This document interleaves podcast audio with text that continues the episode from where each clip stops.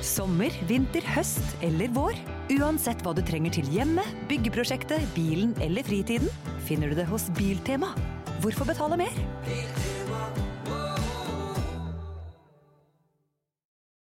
Dekodet.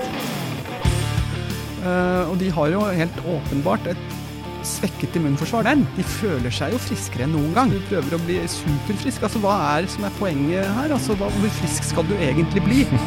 Dekodet. Hjertelig velkommen, Anne Spurkeland. Ja, takk. Jeg føler Når jeg først har en immunolog i studiet her, så må jeg spørre åssen er formen? Er du frisk? Eh, ja, føler meg frisk. altså bra. Altså jeg, for min del, jeg må si at jeg har aldri vært så frisk over så lang tid som under den pandemien her. Altså Jeg har ikke vært i nærheten av å være forkjøla, rennende nese, ingenting, på halvannet år. Nei, Der ser du. Der ser du. Det å være sammen med folk det gir mulighet for smittespredning av alt mulig rart. Det er noe rart med det, altså. Ja, men her har vi svaret. Bare lockdown, ikke møte Ja. mennesker, ikke klemme, ikke Nei. være sosial. Droppe alt som er gøy, så har vi løsningen. Da har eh, virus ikke noe særlig sjanse. Det er helt riktig. Hva tror du om arbeidsplassen som fremover? Tror du det blir sånn at uh, hvis man er forkjøla, at det er mer innafor å bli hjemme? Eh, Ja, det tror jeg absolutt. At uh, nå har vi erfart at uh, det å være sammen og hoste på hverandre, det, det, det sprer smitte. Og ehm, nå har vi også erfart at det går an å være ganske effektiv hjemmefra. Slik at eh, det blir, kommer til å bli litt uhøflig å komme snufsende på, på jobben helt åpenbart ny, nyforkjølet. Ja. Ja, fordi Hvis du har en kollega ved siden av deg som snufser og hoster, så er det ikke helt usannsynlig, har vi skjønt, at du eh, gjør det samme om en uke. Nettopp. Det, og det, det der kommer til å bli uhøflig. Mens det å komme på jobben snufsende og hostende tidligere, det viste jo bare stayerevne og Ja, bra saker. Så Bra! Nå snakker vi. Nå blir det lønnsforhøyelse her. Men eh, du er altså professor i medisin, og du er forsker innenfor molekylær immunologi. ja, Eh, Altså Immunologen er jo den nye rockestjerna, føler jeg.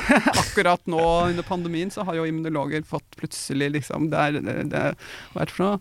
Det er liksom, De lever eh, å, Hvordan skal man formulere det? Det er, liksom, de er jo virkelig kommet til rampelyset. Så, eh, men det kommer jo til å, å fade, det da. Når pandemien går over, så er ikke immunologer så interessante lenger. Men du underviser også, ikke sant? Jeg underviser eh, også litt immunologi, men det faget jeg underviser i, er anatomi, eh, som er hvordan kroppen er bygget opp. Så det er en, en del andre kolleger som tar seg av immunologiundervisningen. Ja, sånn, ja. Stort sett. Men jeg, jeg har én forelesning som jeg liker å holde for studentene, og det er immunforsvaret i et fugleperspektiv, hvor jeg prøver å samle alle trådene de har hørt de siste tre-fire ukene. Og det er veldig velkomment, for dette er vanskelig stoff, altså. Det skjønner jeg. Er det, merker du litt den rockestjernestatusen i klasserommet? Er? Nei, jeg gjør ikke det, altså. Det, nei. Men, eh, men det var et kull som hadde en sånn mimekonto på Instagram. eh, og der var jeg en stund eh, en slags eh, recurrent gjest. Og, en av de tingene de merket seg, var at når jeg treffer dem som, som professor, så er jeg ganske bys, bris, nei, bisk. Bisk kan være litt streng. Ja.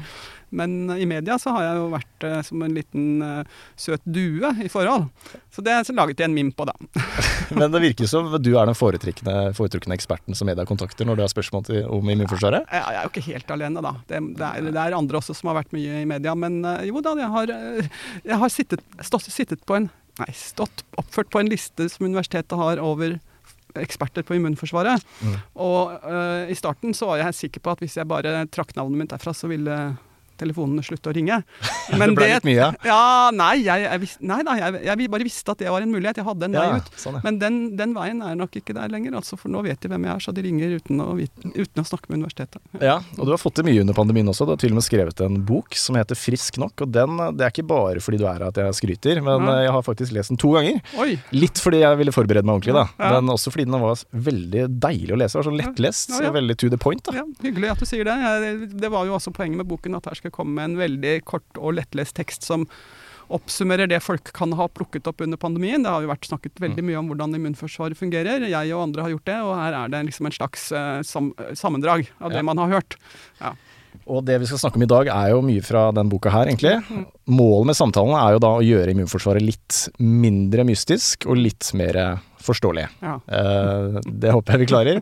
Eh, vi kan jo begynne da med å liksom eh, rydde opp i litt sånn begrepsforvirring. For du har immunforsvaret, og så har du immunsystemet. Kan vi ikke bare starte med den forskjellen? Ja, altså jeg, jeg lager den forskjellen i boken fordi jeg syns det er faktisk rimelig å tenke over det. Altså Immunsystemet det er alt som har helt direkte med immunologisk funksjon å gjøre. Det som anatomer vil undervise og si at her er milten, det er et immunologisk organ. Lymfeknutene er immunologiske organer. Beinmargen eh, brisselen, et lite organ over hjertet som barn har særlig. Eh, det er immunsystemet og hvordan disse henger sammen.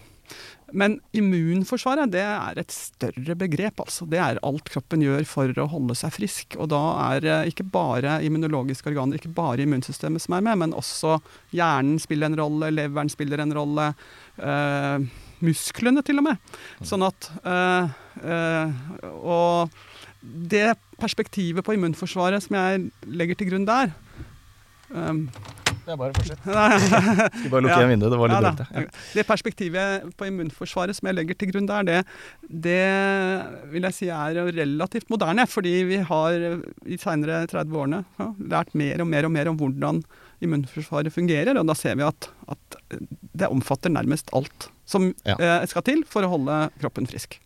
Nettopp. Uh, og i boka så unnlater du også å bruke sånne immunologiske begreper, som jeg likte egentlig veldig godt, men du Ja. kaller disse immuncellene uh, istedenfor for uh, altså spiseceller, Ja. drepeceller, forsvarsceller, hukommelsesceller, regulatoriske celler. Er det mulig å bare prøve å kategorisere de ulike cellene, sånn grovt sett? Eh, ja, altså, den, mitt favorittuttrykk er jo da immuncelle som sånn fellesbegrep for alt dette. Og, eh, og immunologer kan dele dette opp i flere hundre typer, altså. Men, eh, men vi deler det i hvert fall i to store porsjoner. De cellene som hører med til det medfødte immunforsvaret. Og der har vi spisecelle, som er en celle som spiser alt mulig rusk og rask. Bakterier, virus, døde celler, alt som skal vekk, blir spist av de cellene. Eh, og på den andre siden så har vi celler som hører med til det tilpassede immunforsvaret. Celler som vi har veldig få av i utgangspunktet, men som det kan bli mange av når vi trenger det. Og det er uh, drepeceller, f.eks. Som da dreper virusinfiserte celler. Og eh, regulatoriske celler som passer på at dette ikke går over styr, men holdes på et passe nivå, sånn at ikke eh, immunforsvaret reagerer for kraftig. For det, eh, immunforsvaret, eller immunsystemet, har veldig kraftige virkemidler som kan i verste fall drepe kroppen. Og det bør, bør jo ikke skje, da. Da er det ikke vellykket, for å si det sånn. Så derfor så er det mange regulatoriske mekanismer på plass, også celler, som har som hovedoppgave å regulere de andre. Ja. Jeg vet ikke om du syns det var litt for få celler jeg nevnte. opp Nei, nei, jeg tenkte på hukommelsesceller. Hukommelsesceller det er da eh, en slags undergruppe av eh, celler som tilhører det tilpassede immunforsvaret. Fordi en ting er at vi skal få mange celler når vi trenger det, men etterpå trenger vi dem jo ikke lenger når vi er blitt friske, så må mange av de vekk. Men det er uhensiktsmessig å gå tilbake til så få som vi hadde i starten. For da er vi jo tilbake til scratch. Så derfor så er det en del av de cellene som blir bærende igjen i kroppen, som hukommelsesceller. De lever veldig lenge og er klar til å reagere mye raskere neste gang. Og Det betyr at man etter en infeksjon, etter en vaksine, så vil man eh, stort sett være beskyttet mot den samme infeksjonen fordi immunforsvaret reagerer veldig mye raskere. ja. Og I denne sammenhengen kan jeg også legge til at når du har disse veldig få cellene som kan reagere til enhver tid, så tar det kanskje en uke, da, for vi får mange nok av dem. Så det er jo en uke hvor man har viruset i full flyt og, og, og symptomer og plager. Um, men med hukommelsesceller så går det kanskje bare på noen få dager. Altså én dag, to dager. Man merker ikke noe spesielt. Nettopp. Og det er derfor en 90-åring kan ha antistoffer mot en eller annen sykdom som han eller hun fikk i en alder av 19, for det er hukommelsesceller som fortsatt er der, eller? Det er eksempler på det. slik at Noen av disse hukommelsescellene vet vi har vært der eh, hele livet fra, fra personen ble smittet med den aktuelle viruset. F.eks. spanskesyken, som rammet folk som levde i 1919, da man undersøkte 100-åringer eh, sånn på slutten av 2000-tallet. blir ikke, nei, er på, begynnelsen av 2000-tallet, altså i slutten av århundret. da så så man at de fortsatt hadde antistoffer mot spanskeviruset. Spanske, ja, spanskesykeviruset. Vil folk som har blitt smitta av koronaviruset ha hukommelsesceller eller antistoffer om 70 år, eller vet vi ikke det sikkert? Nei, det vet vi jo ikke ennå ordentlig, men det er ikke usannsynlig at man vil ha noe hukommelsesceller så lenge. Eh, Men eh, spørsmålet er jo om de er nyttige. For hvis koronaviruset forandrer seg. Vekk fra de antistoffene, så har man kanskje ikke bruk for akkurat de antistoffene. da. Nettopp. Ok, La oss ta, se litt nærmere på det medfødte immunforsvaret, da, som du Mm. nevnte i stad. Det ligger jo litt i, i navnet, men det er altså de, de genene du arver fra mor og far, Ja, eh, som bestemmer hva slags medfødt immunforsvar du, du Ja. får, ikke sant? Ja. Så, så akkurat sånn som eh, at vi er utstyrt med lever og nyrer og milt og alle disse tingene som eh, enhver kropp har, så har man også et sånt standard utstyrt eh, immunforsvar som blir kalt for medfødt immunforsvaret. Og det er ikke så veldig stor variasjon fra person til person om hvordan det ser ut. Det er litt som at noen får rødt hår og noen får uh, svart hår, men ikke så mye mer variasjon enn det. Uh, Så når man da møter en eh, infeksjon, et bakterie som kommer inn i kroppen, så har man en slags ganske standardisert måte å reagere på.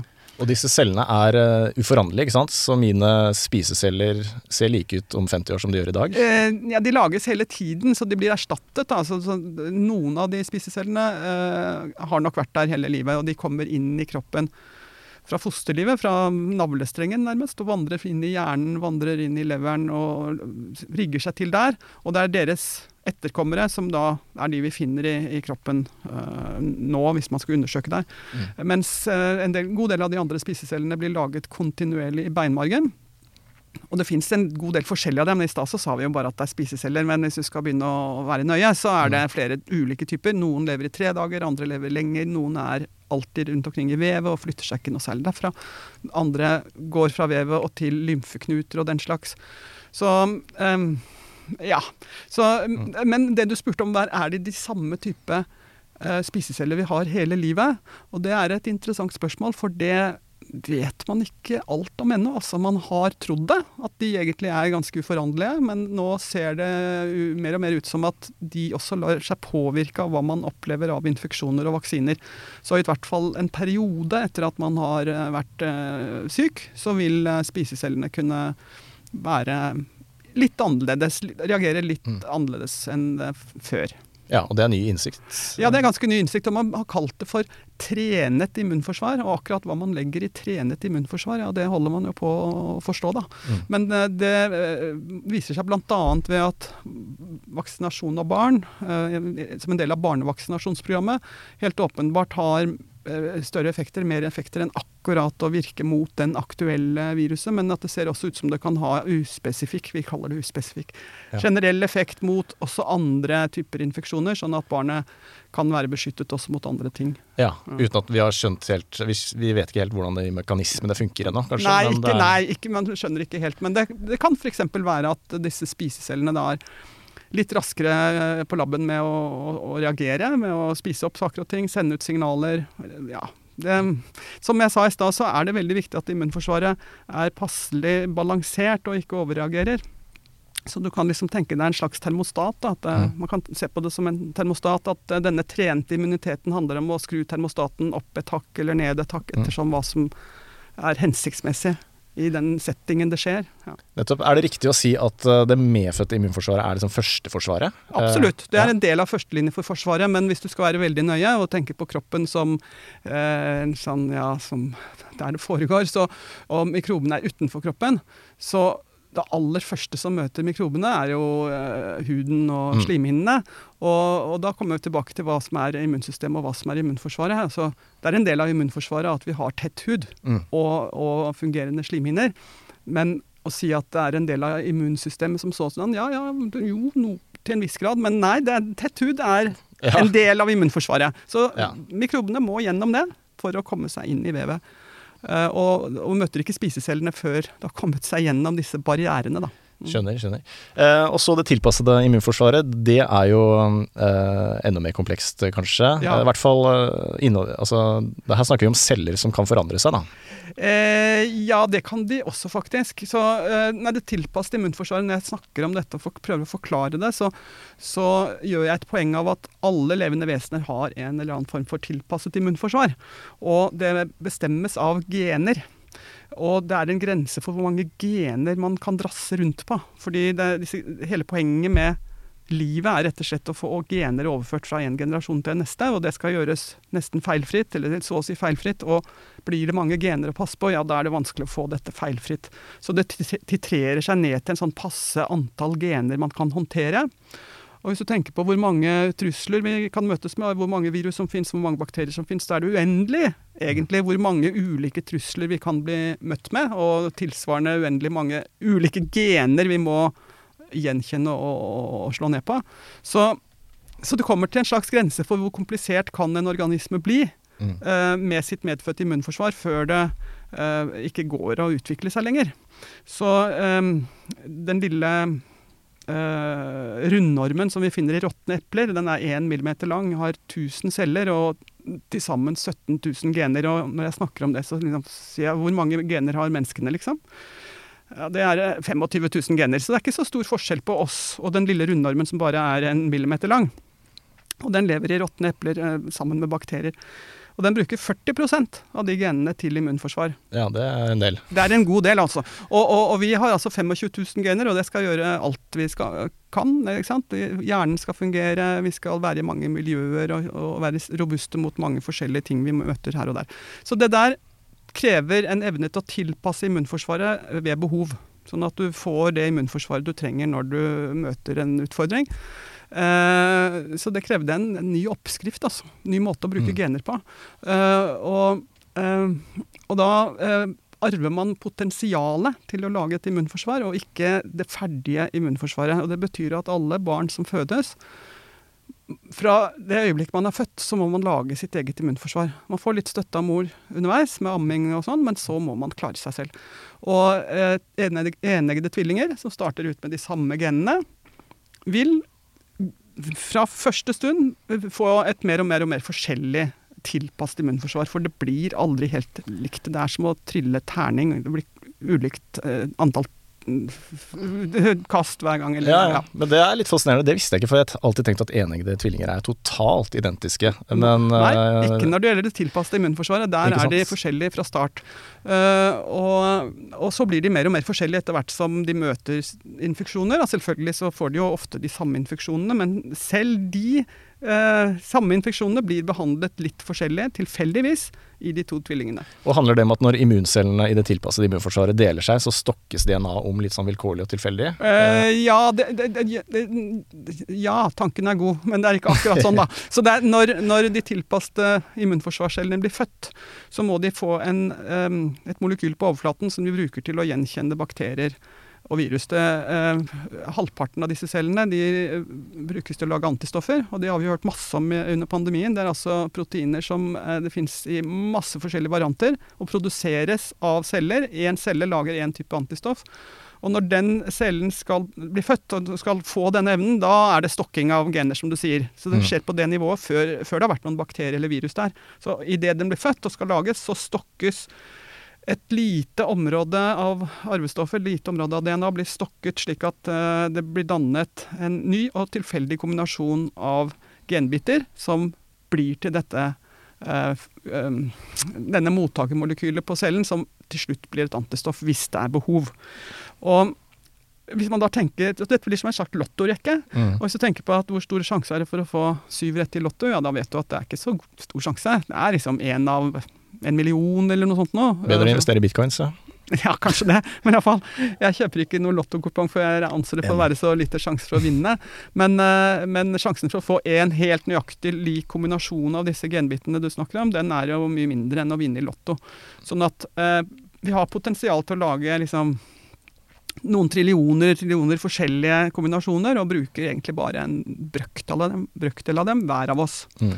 Eh, og så, eh, når da det kommer en bakterie inn i kroppen, eh, så må vi jo lage antistoffer. Så da er, da er det altså noen ytterst få celler som kan reagere på den bakterien. Så de må møtes et eller annet sted, og det skjer i lymfeknuter og i milten. eh, hvor bakterien møtes med akkurat den cellen som passer. Og den må da dele seg. Hver dag må den dele seg til det er blitt mange nok til at eh, det blir nok antistoffer til å få bakterien vekk. Og det er den immuncellen som produserer akkurat det antistoffet som binder mikroben best, som i størst grad deler seg. Ja, nettopp. Men så kommer da det interessante som du, du, du også antydet, at, at det skjer en forandring, at disse immuncellene forandrer seg underveis her. For det gjør B-cellene. Eh, de heter B-celler, de som lager antistoffer. Så når denne cellen som kan lage antistoffer, har møtt bakterien i lymfeknutene, så vil den dele seg. Men de to dattercellene vil da allerede ha fått litt endret sitt gen for denne spesielle mottakermolekylet, så de to dattercellene er ikke like. Ikke helt like. Og så vil jo de begge to testes mot bakterien, som er i nærheten fortsatt. Den ene kanskje ikke blir så bra, den får ikke noe hjelp videre til å dele seg. Men den andre kanskje, passer kanskje bedre og vil da få et sterkere signal, dele seg på nytt.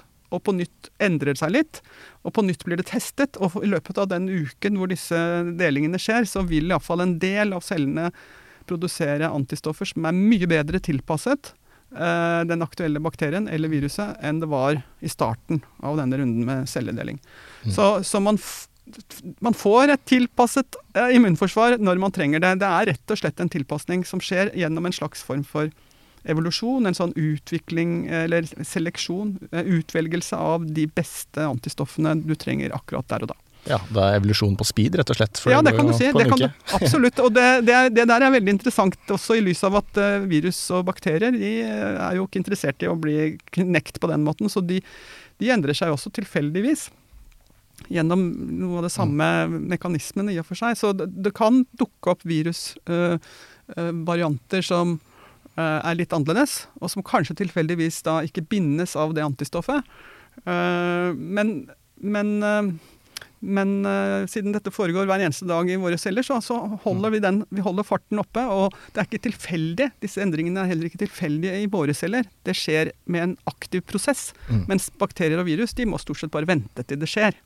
Så, så jeg, er veldig fascinert over hvor, hvor utrolig elegant den der tilpasset immunforsvaret vårt er. Altså. Ja, veldig fascinerende. Eh, med fare for at det blir litt sånn gjentagende her nå, ja. men jeg må bare presse det inn i den trange nøtta mi. Kan, kan vi ikke bare ta, liksom, Hvis jeg blir smittet av et forkjølelsesvirus nå, ja. mm.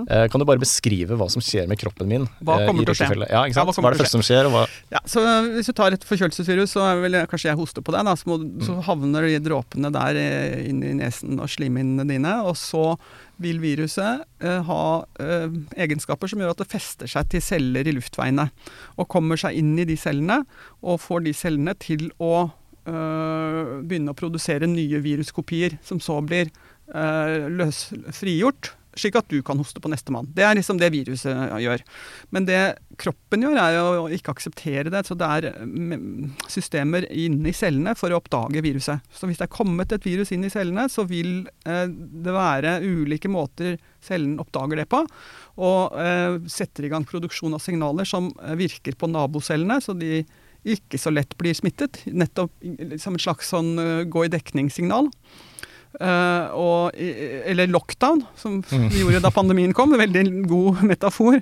Og i tillegg så sendes det signaler fra den uh, infiserte cellen til uh, spiseceller som ligger rett i nærheten, og til andre deler av immunforsvaret, som ja, andre immunceller som også blir aktivert. Pluss at det sendes signaler som går til hjernen, så du føler deg litt slapp og får feber. Og, ja, det kommer litt an på hvilket virus det er snakk om, da. Mm.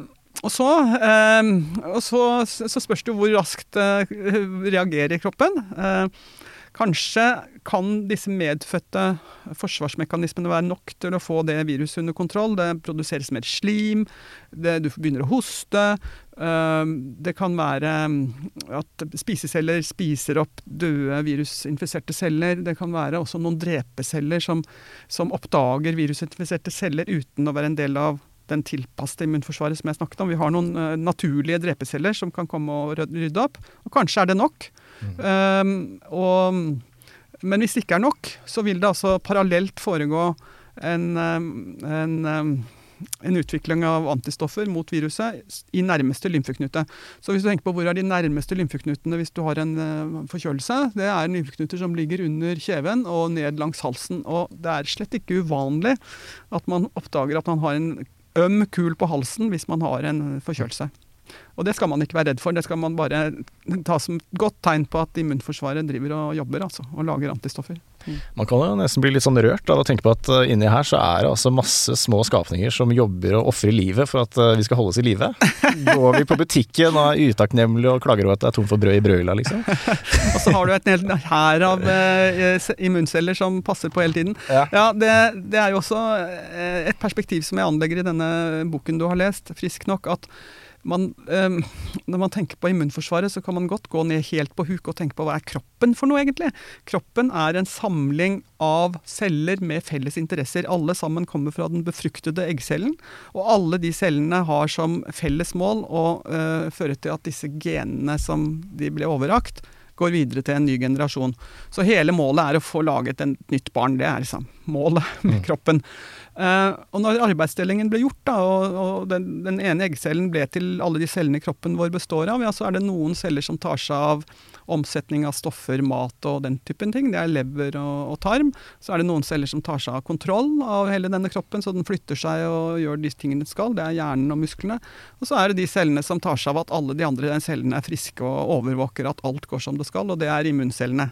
Mm. Så, um, og når man også tenker på hva er fienden til kroppen, altså alle disse fiendene vi snakker om, bakterier og virus, vi ser dem jo ikke. Det er jo mange som tror jo at ikke virus fins, altså at covid er bare en vits. Men det er jo fordi du kan ikke se det. Det er, mm. det er så små ting at du må bruke veldig sterke mikroskoper for å, å faktisk se dem. Men, eh, men eh, og, og hvordan skal en stor kropp forsvare seg mot noe så smått? Hvis du tenker på dette som et cellefenomen, at det er celler som skal passe på her, så er vi jo nede på et litt mer eh, eh, lik kamp. da, At det kommer en celle, en bakterie, eventuelt en virusinfisert celle, og en immuncelle som da oppdager dette og, og, og løser problemet. Én celle om gangen. Så det er hensiktsmessig å forstå immunforsvaret i lys av evolusjonen. At uh, poenget med immunforsvaret er å holde kroppen så frisk at man kan føre genene sine videre til neste generasjon. Ja, det mener jeg er det absolutt mest fornuftige perspektivet. Og det er jo derfor vi også kaller boken 'Frisk nok' med utropstegn. fordi det, du trenger ikke å være mer enn det. For å, for, å, mm. for å, få barn så trenger du ikke å være mer enn frisk nok. Uh, og, og, det betyr jo også at hvis du prøver å bli superfrisk, altså hva er som er poenget her? Altså hva, hvor frisk skal du egentlig bli? Du skal være så frisk at kroppen din fungerer til det du har tenkt å gjøre. Og, og det du i hvert fall bør ha tenkt å gjøre, er å vurdere å forplante deg. Og hvis du er frisk nok til det, ja, da mener jeg fra immunforsvarsperspektiv at uh, hensikten er oppnådd. Ja, nettopp. Også, men det er derfor immunforsvaret er på topp når man er i reproduktiv alder. Også, det, kan, det, er, det, kan du, det, kan, du, jo godt si, at uh, unge voksne de har det beste immunforsvaret. Det er ikke noe tvil om. Ja, men samtidig, alder forringer jo alt i kroppen, da, så det er ikke bare immunforsvaret som forringes når du blir eldre. Men... Forringes ja, når du er ferdig med å reprodusere deg. Altså fordi, altså, langt, Hva er generasjonstiden til mennesker? Hvor lang tid tar det før, fra man er født til man faktisk kan reprodusere seg? Det er generasjonstid. Og for en bakterie så er den tiden den er nede i 20 minutter. Hvis det går virkelig fort. Mm. Og alt, alle forhold ligger til rette. For et menneske så er generasjonstiden ja, Vi regner det å være 20 år. Man er jo forplantningsdyktig litt før, men 20 år er en fin generasjonstid. Mm. Og det betyr at eh, når du er 40, ja, da er det jo dine egne barn da, som er forplantningsdyktige. Så da har man kommet til bestefaralderen. Og fortsatt så er folk ganske friske. Og det er nok fordi at uh, suksessen med å få genene brakt videre blir bedre hvis man kan være med på uh, stellet av disse barna. Så, mm. så, den kunnskapen man sitter på selv som uh, foreldre, den har barna nytte av. Så derfor så har man også noe som kalles bestemoreffekten, som, som går på at vi lever antageligvis eh, to generasjoner da, for å kunne hjelpe til å få barnas eh, gener videre gjennom barnebarna. Ja. Er det en gradvis decline på en måte av immunforsvaret, eller er det et sånn markant brudd når man blir eh? det er, Ja, det er et ganske tydelig brudd som man kan se um, på ulike parametere, som, som, jeg vil si slår inn uh, iallfall 65 år, da, da, er det mye som går uh, nedover. Uh, min kollega vil si at uh, hvis du ser på f.eks. infeksjonssykdommer og hvor sårbar man er for lungebetennelse og sånn, så begynner det, det forfallet der allerede sånn rundt 40 eller 45. Så, men fram til da, da fra, fra, man er tenåring og til man er 45, så er det ganske stabilt og bra. Men samtidig så har man jo kanskje flere hukommelsesceller da, jo eldre man blir, og det mer har, antistoffer? Ja da, det har man absolutt. absolutt. Så man flyter jo liksom litt på det tilpassede immunforsvaret man har bygget opp. Men samtidig så er det jo en god del kroppsfunksjoner som blir påvirket av alderen. Eh, helt generelt. Man blir jo litt grå i håret også når man er 40 pluss. Ja, før det også, 32. Ja, ja og det er også alders, en aldersforandring. Da, sånn at, at, Man skal ikke bli overrasket over at immunforsvaret også blir litt dårligere med tiden, for det er de samme aldringsprosessen som foregår i mange celler. Ja. Lyst til å spole bare litt tilbake. Eh, noe jeg er veldig nysgjerrig på, er eh, dette med denne sykdomsfølelsen, disse symptomene vi opplever. For ja. da jeg var liten, så tenkte jeg at altså, når man føler seg syk, så er det bakteriene eller viruset eh, direkte som gir den sykdomsfølelsen. Og så lærte jeg litt senere at det er jo immunforsvarets forsøk på å rydde opp som gir deg sykdomsfølelsen. Ja. Eh, men det er kanskje litt for enkelt, for svaret ligger vel et sted midt imellom? gjør ja, ikke det? Jo da, svaret kan nok ligge litt midt imellom. Det kommer an på hvilken bakterie eller virus vi snakker om. Eh, når vi snakker om virus, for å gjøre det enklest, så eh, vil jeg si at veldig mye av det et virus kan gjøre med kroppen, og gjøre, at man føler seg syk, det er via immunforsvarets håndtering av, av det. Så feber, muskelsmerter, trøtthet og uopplagt. Alt det der kan gjøres av signalstoffer som immunforsvaret sender ut, og som er en del av, en del av å bli frisk. F.eks. Eh, hvis vi får feber, så eh, går temperaturen noe opp. Og for eh, virus, som liksom er innstilt på at temperaturen skal være 37 grader, så er 39 det er kanskje ikke så heldig. Det samme med bakterier. De kan også like seg dårligere på høyere temperatur. Så dessuten så vil det å være trøtt og legge seg ned vil jo da uh, gjøre at kroppen kan bruke ressurser på immunforsvar. Det, det, koster mye energi å få i gang denne prosessen med all den celledelingen jeg snakket om osv. Og, så og det har vi lært mye om nå de seinere årene. At, at, stoffomsetningen i kroppen uh, når man er syk, det, det, det er det er en del av immunforsvaret. At man klarer å sette til side ressurser for mm. å bekjempe mikroben. Og da er det bedre å ligge stille og ikke la musklene trenge noe um, uh, si, energi også samtidig. Eh, så du kan liksom velge da, mellom å løpe fra løven eller å ligge bak en busk og håndtere bakterieinfeksjonen. Nettopp. Men uh, hvis vi prøver oss på et tenkt eksempel her, da. Hvis man blir smittet av et uskyldig forkjølelsesvirus ja. uten å ha et immunforsvar, eller et immunforsvar som, som, kjemper imot, hvilke symptomer tror du man da vil oppleve? Vil... da kan det være at man ikke opplever så veldig mye. Da, at det er veldig lite signaler. Og uh, Det er egentlig et ganske interessant og morsomt spørsmål, det. Da, for det er jo en god del mennesker som går på immunundertrykkende behandling pga. Eh, organtransplantasjon og den slags. Eh, og de har jo helt åpenbart et svekket immunforsvar. Det er hele poenget med behandlingen. At de, de, de, eh, de skal ikke reagere så kraftig mot organene de har fått. Og dermed går det også utover evnen til å reagere på vaksiner og til å reagere på infeksjoner. Men de føler seg jo friskere enn noen gang. De har ja. aldri vært så friske som etter at de ble transplantert og begynte på immunsuppresjon.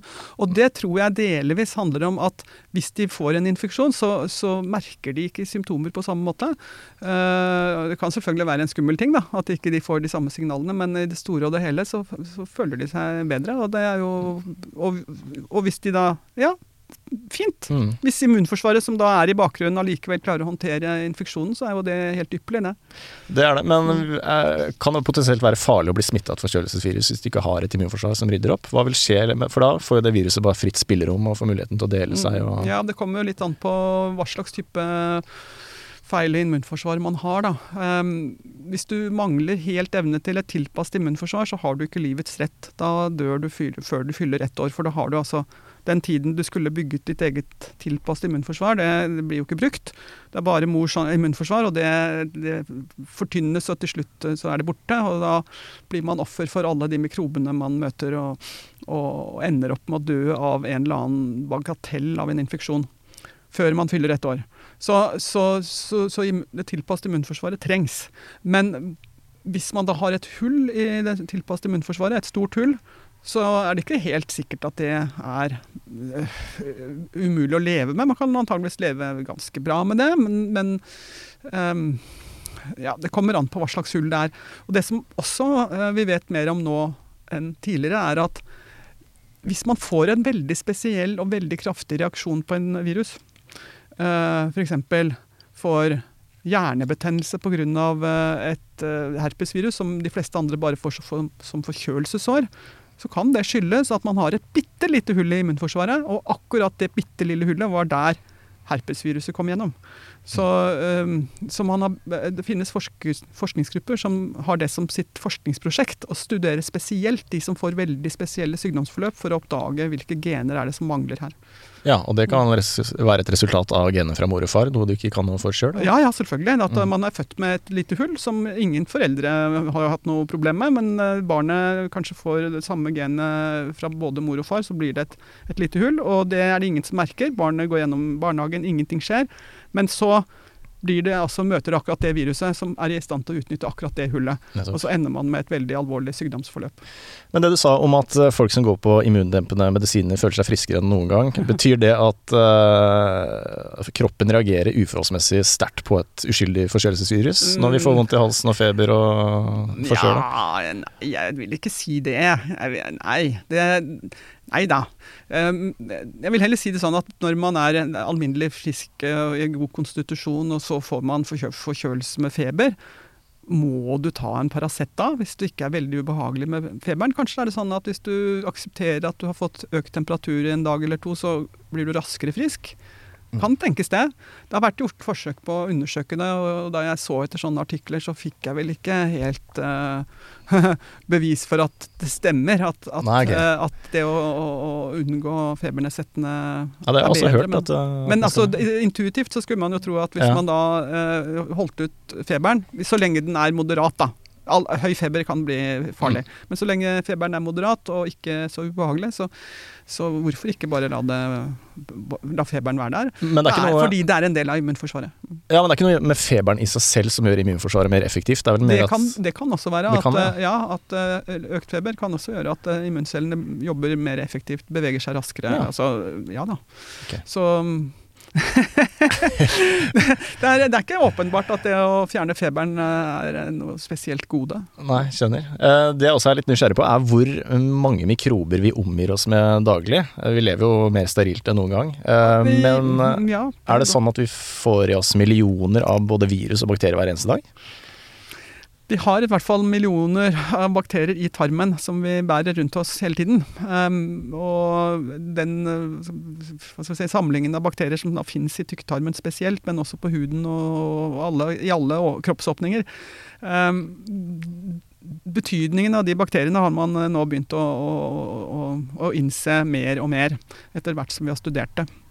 Slik at det å ha en variert Eh, flora av bakterier som bor på kroppen, det er regnet for å være helsebringende, rett og slett. Og får man for ensartet flora, for få ulike bakterier, f.eks. Mm. i tarmen, så kan det være med på å disponere for uh, overvekt og andre problemer. Mm. Eller kanskje det er omvendt, at overvekt gir uh, en, en, magrere flora. Men i hvert fall klarer man å ha en variert flora, så er det regnet for å være Eh, bra for immunforsvaret og bra for generell helse. Mm. Men er det mer bakterier enn det er virus rundt oss eh, ja, med, i miljøet? Du, ja, jeg så jo at du ville at jeg skulle snakke om det, eller gå inn på det. Og det er et litt vanskelig spørsmål, altså, syns jeg. Kanskje jeg vet for lite. Men eh, vi har en god del virus i tarmen. Det er ikke noen tvil om. Men de virusene de angriper bakterier, så de er med på å holde bakteriefloraen i balanse. Så alle disse virusene som smitter bakterier, de, de, de no, det er ikke noe problem for oss i og for seg, men de er der. Men i hvilken grad vi omgir oss med virus som kan smitte oss til enhver tid, det er jeg ikke så sikker på. Altså, fordi at eh, det, en virusinfeksjon er såpass alvorlig for cellene mm. våre at eh, stort sett uh, disse virusene vil bli enten kastet ut eller tolerert. Og, og, og, dermed så har vi jo en del eksempler på virus som uh, flytter inn i kroppen vår og blir værende der. Mm. Uh, under kontroll av immunforsvaret ofte, men altså, vi, har, vi, er samboere med en del uh, virus. Men, men, at det er så stort antall virus som vi tolererer, sånn som vi tolererer bakterier, det er jeg ikke så sikker på. altså. Men det er kanskje fordi viruset er helt avhengig av en vert, mens en bakterie kan jo leve på ut, ja, utapå et eple, liksom? Ja, ja det, kan være, det, kan ha noe med det å gjøre at bakteriene holder seg utenfor våre celler, og dermed kan være litt mer diskré i sitt mm. nærvær, liksom. Mens, mens virus faktisk skal inn i cellene og bruke det samme maskineriet, og dermed er en større trussel for uh, balansen ja, i, kroppen. Ja. Um, men det er altså en god del virus som vi bærer rundt på. Herpesvirus er et godt eksempel. De fleste som har hatt herpesinfeksjon, blir jo ikke kvitt viruset. Det leirer seg rundt omkring i nerveceller og dukker opp av og til. Og det samme med Epstein-Barr-virus. Har du først fått det, så blir du ikke kvitt det. Det bor i immunceller. Holder seg der og kan dukke opp eh, hvis immunforsvaret blir svekket. Faen, Sepstein-Barr. Det er kyssesyken, ikke sant? Det er kyssesyken. Ja, det, det, var ja, helt jævlig. Ja, og det, det, er et eksempel på en virus som det er bra å få når man er barn, og, og, og ikke når man blir tenåring. fordi Eh, jo eldre du blir, jo, jo mer dramatisk kan Epstein-Barr-infeksjon bli. Ja, jeg var i sjuåra. Det, den, eh, ja. det var kraftige grassaker. ja. Men uh, jeg er veldig glad i sånne tenkte eksempler, så jeg kommer rett til. Uh, hvis vi med vårt tilpassede immunforsvar uh, Altså vi har tilpassa immunforsvar for måten vi lever på nå, i 2021. Ja. Hvis vi hadde reist tilbake i tid, til år null f.eks. Hvor stor forskjell hadde det vært? Ja, det er et interessant tankeeksempel, det. Um, vi reiser jo rundt omkring i verden på kryss og tvers, til India og Afrika og hvor det nå er for noe. Og det er jo en form for reise i tid, det også, selv om det er i nåtiden. Og det går jo stort sett bra. Så jeg tror egentlig at det å reise tilbake i tid 2000 år, det, det ja, det tror jeg vel stort sett vil gå greit. Men det er jo et eksempel i historien hvor den type reise fra den ene stedet til den andre i verden eh, endte i katastrofe for de som fikk besøk, nemlig eh, de urinnvandrerne i Amerika. Mm. De Eh, ble rammet av infeksjoner som eh, spanjolene hadde med seg, og døde i hopetall mm. uten at spanjolene var nødvendig å være i nærheten. Altså Det var bare nok å smitte de første, så gikk dette her av seg selv. Mm. Eh, og man antar vel at iallfall de urinvandrerne i Nord-Amerika, der var kanskje 95% som døde av infeksjoner, og ikke av krangel med eh, europeerne. Og det er et tankekors, altså. For hvorfor var det sånn? Og jeg tror at det eh, hovedsakelig ble sånn fordi at de infeksjonene som eh, spanjolene hadde med seg, det var en sånn type infeksjon som ligner det vi har hatt nå, pandemi. En, eh, en infeksjon som voksne håndterer dårlig, som barn håndterer greit. Og uh, Spanjolene hadde fått dette som barn, men, men var allikevel i stand til å ha det med seg som smittsomt virus eller bakterie til Amerika. Mens urinnvånerne traff det jo som voksne, og så døde de av det. Meslinger og kopper spesielt tror jeg var hovedproblemet. Så motsatt ville kanskje vært mer problematisk. Hvis en person fra antikken satte seg i en tidsmaskin og reiste hit, så ville den personen blitt utsatt for såpass mange ukjente patogener at um, Ja, kanskje. Kanskje. Men forskjellen på europeerne og uh, urinnvånerne i Amerika handlet om samboerskap med dyr. Uh, og alle, alle, de menneskene som bodde i Europa og over til Asia, hadde samboerskap med dyr, men det var ikke, de, ikke hus, altså de holdt ikke husdyr, de urinnvånerne, på samme måte. Nettopp, ja. uh, så en, en, del av de uh, infeksjonene vi snakker om der, altså meslinger og, og kopper, er infeksjoner som er kommet fra dyr, og i relativt ny tid relativt ny tid. Det er litt som med koronavirus. En mm. sånn overgang fra dyr til mennesker. Mm. Når vi er inne på dette historiesporet, så kan vi bare gli elegant over mm. til uh, vaksiner og snakke ja. om det. Uh, for den vaksinehistorien er litt fascinerende. Da skal vi tilbake til 1700-tallet, ikke sant? 1700-tallet, ja. Det er uh, og egentlig lenger enn det. Fordi at um, den første vaksinen eller behandlingen som kunne forberede eh, immunforsvaret på hva som kunne komme, det var eh, å pode folk med eh, kopper. Og det ble oppdaget uavhengig av hverandre på flere steder i verden, at eh, koppematerialet altså det, her, det, var en sykdom som ga blemmer og skorper og puss, og, og det materialet der det ble brukt da som medisin for å hindre at uh, unge mennesker fikk den forferdelige sykdommen. Det var, for det første var det smertefullt uh, med alle disse blemmene. Det var en langvarig sykdom, du hadde feber og var syk i flere uker. Og dødeligheten var enorm. 30% døde. Og hvis man overlevde, så hadde man arr, så alle kunne se. Uh, hvem som hadde hatt sykdommen. og Derfor så gikk det også an å observere at hadde du hatt sykdommen og hadde arr, så fikk du det ikke for annen gang. Og, og, da ble det jo logikk at kunne man da ta koppmateriale og lage bare én kopp ett sted på kroppen, sånn at det beskyttet. Og det fant man jo ut beskyttet som bare det. Så det å, å, å plassere litt koppmateriale på et passe sted eh, på huden, så fikk man eh, beskyttet barna. Og det ble kalt poding. Og den praksisen eh, var da kjent og brukt i eh, Midtøsten eh, på 1700-tallet. Og, og, så kom den informasjonen og den kunnskapen til Europa gjennom en adelig kvinne som heter lady Montagu.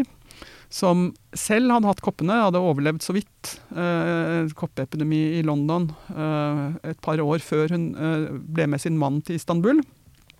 Og der eh, brukte hun tiden sin på å finne ut mest mulig og skrive brev hjem. Og en av de tingene hun oppdaget, var at kvinner hadde eh, smitteselskap for barn. Sånn at hvis det var koppesmitte i nærheten, så uh, sørget man for å arrangere hyggelige selskaper for barn. Ja, datidens Tupperware med Ja, litt sånn. ja, Eller smittesirkel eller sånn. ja.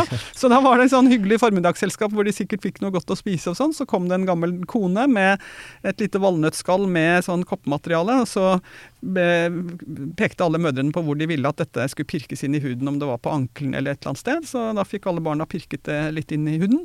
Og så fikk de sikkert en daddel eller to og koste seg litt til, og så ble de sendt hjem.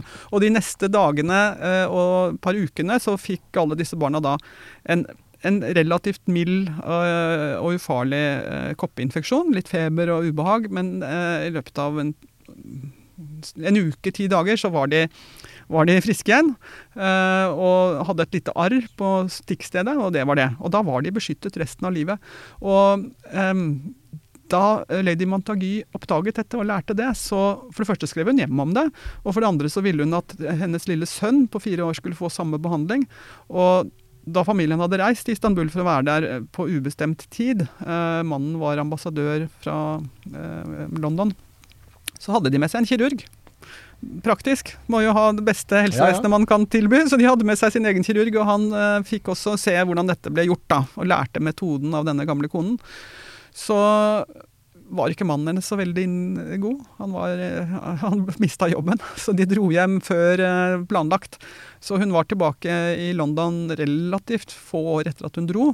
Og da det ble en ny koppepidemi der, så ville hun uh, spre det glade budskapet om denne podemetoden. Så hun eh, sørget for at datteren uh, ble podet nå, da.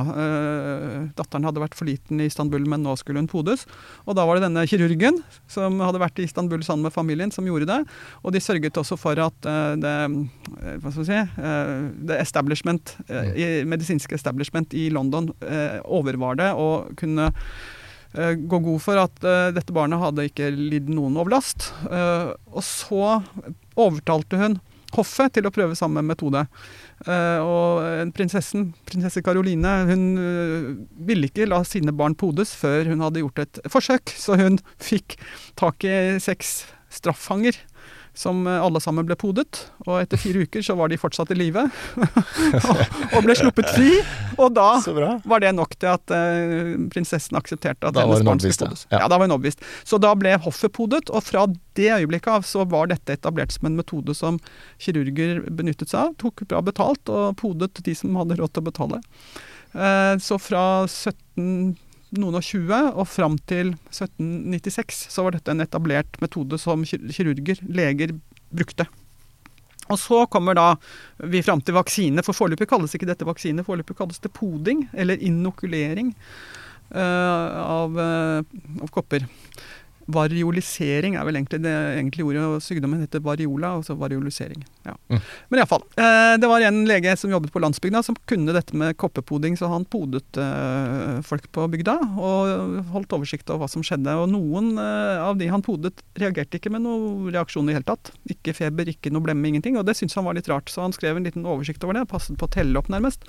Og etter 20 år med sånne observasjoner så ville han gjøre et forsøk for å se om uh, det var noe uh, som hadde gjort at disse menneskene ble immune før de hadde fått hans poding. For alle disse menneskene jobbet med kyr.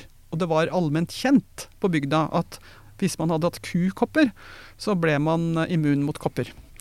Så da undersøkte denne Edvard Jenner, som legen het, han undersøkte om kukopper kunne beskytte et barn mot kopper. Han hadde en gutt som ikke hadde foreldre, en åtteåring. Og, og, så var det en eh, budeie med en kukopp på. Og, så eh, disse to møttes. Lege tok og overførte kukoppmaterialet til denne gutten. Og eh, fire, uker, fire, uker, etterpå så podet han samme gutt med koppemateriale. Og ingenting skjedde. Så det så jo faktisk ut som det stemte. Og så undersøkte han en del flere barn, skrev sammen en rapport, sendte til eh, det vitenskapsmiljøet i England på den tiden, som ikke ville ha rapporten. så da publiserte han den på eget forlag, og det solgte som hakka møkk. Og eh, på utrolig kort tid så ble metoden å pode med kukopper den ble etablert som alternativet, som det, den måten det skal gjøres på. I Danmark-Norge så ble kukoppepoding obligatorisk allerede i begynnelsen av 1800-tallet. Ja. ja. Og frem til uh... Og frem til ja, obligatorisk Jeg vet ikke om det var obligatorisk helt frem til man sluttet, men det var i hvert fall obligatorisk veldig lenge. Uh, og um, Så alle som skulle bli voksne, måtte være kukoppepodet. Mm. Ja. Uh, jeg er kukoppepodet. det ble slutt først jeg burde ha husket akkurat året, men eh, altså, det, det, i relativt ny tid ble det slutt. Ja. Uh, og nå har man jo heller ikke kopper lenger i verden. Nå, da det er helt utrydda? Ja, nå er det utryddet. Ja. Så man vaksinerer ikke mot kukopper lenger. Men når du ble kukoppoda, var det bare sånn risp i huden? Også? Mm, ja, det ble, ja, for så vidt. Det, du setter det her materialet helt ytterst i huden, og så får man faktisk et arr. da. Så alle voksne over en viss alder har fortsatt et arr på skulderen, som ja. er en sånn kukopp.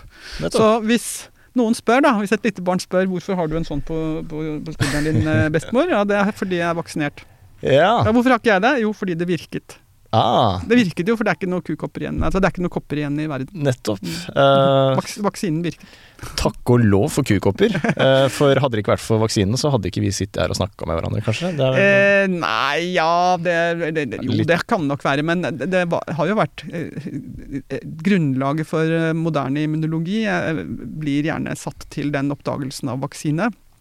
Det ble kalt vaksine av Louis Pasteur da han 80 år seinere oppdaget at han også kan forberede kroppen på andre infeksjoner ved å gi svekket eh, bakterier. Så for å hedre Jenner så kalte han all sånn behandling for vaksine. og Det er derfor vi kaller det for covid-vaksine, men strengt tatt så er vaksine det betyr kukoppebehandling.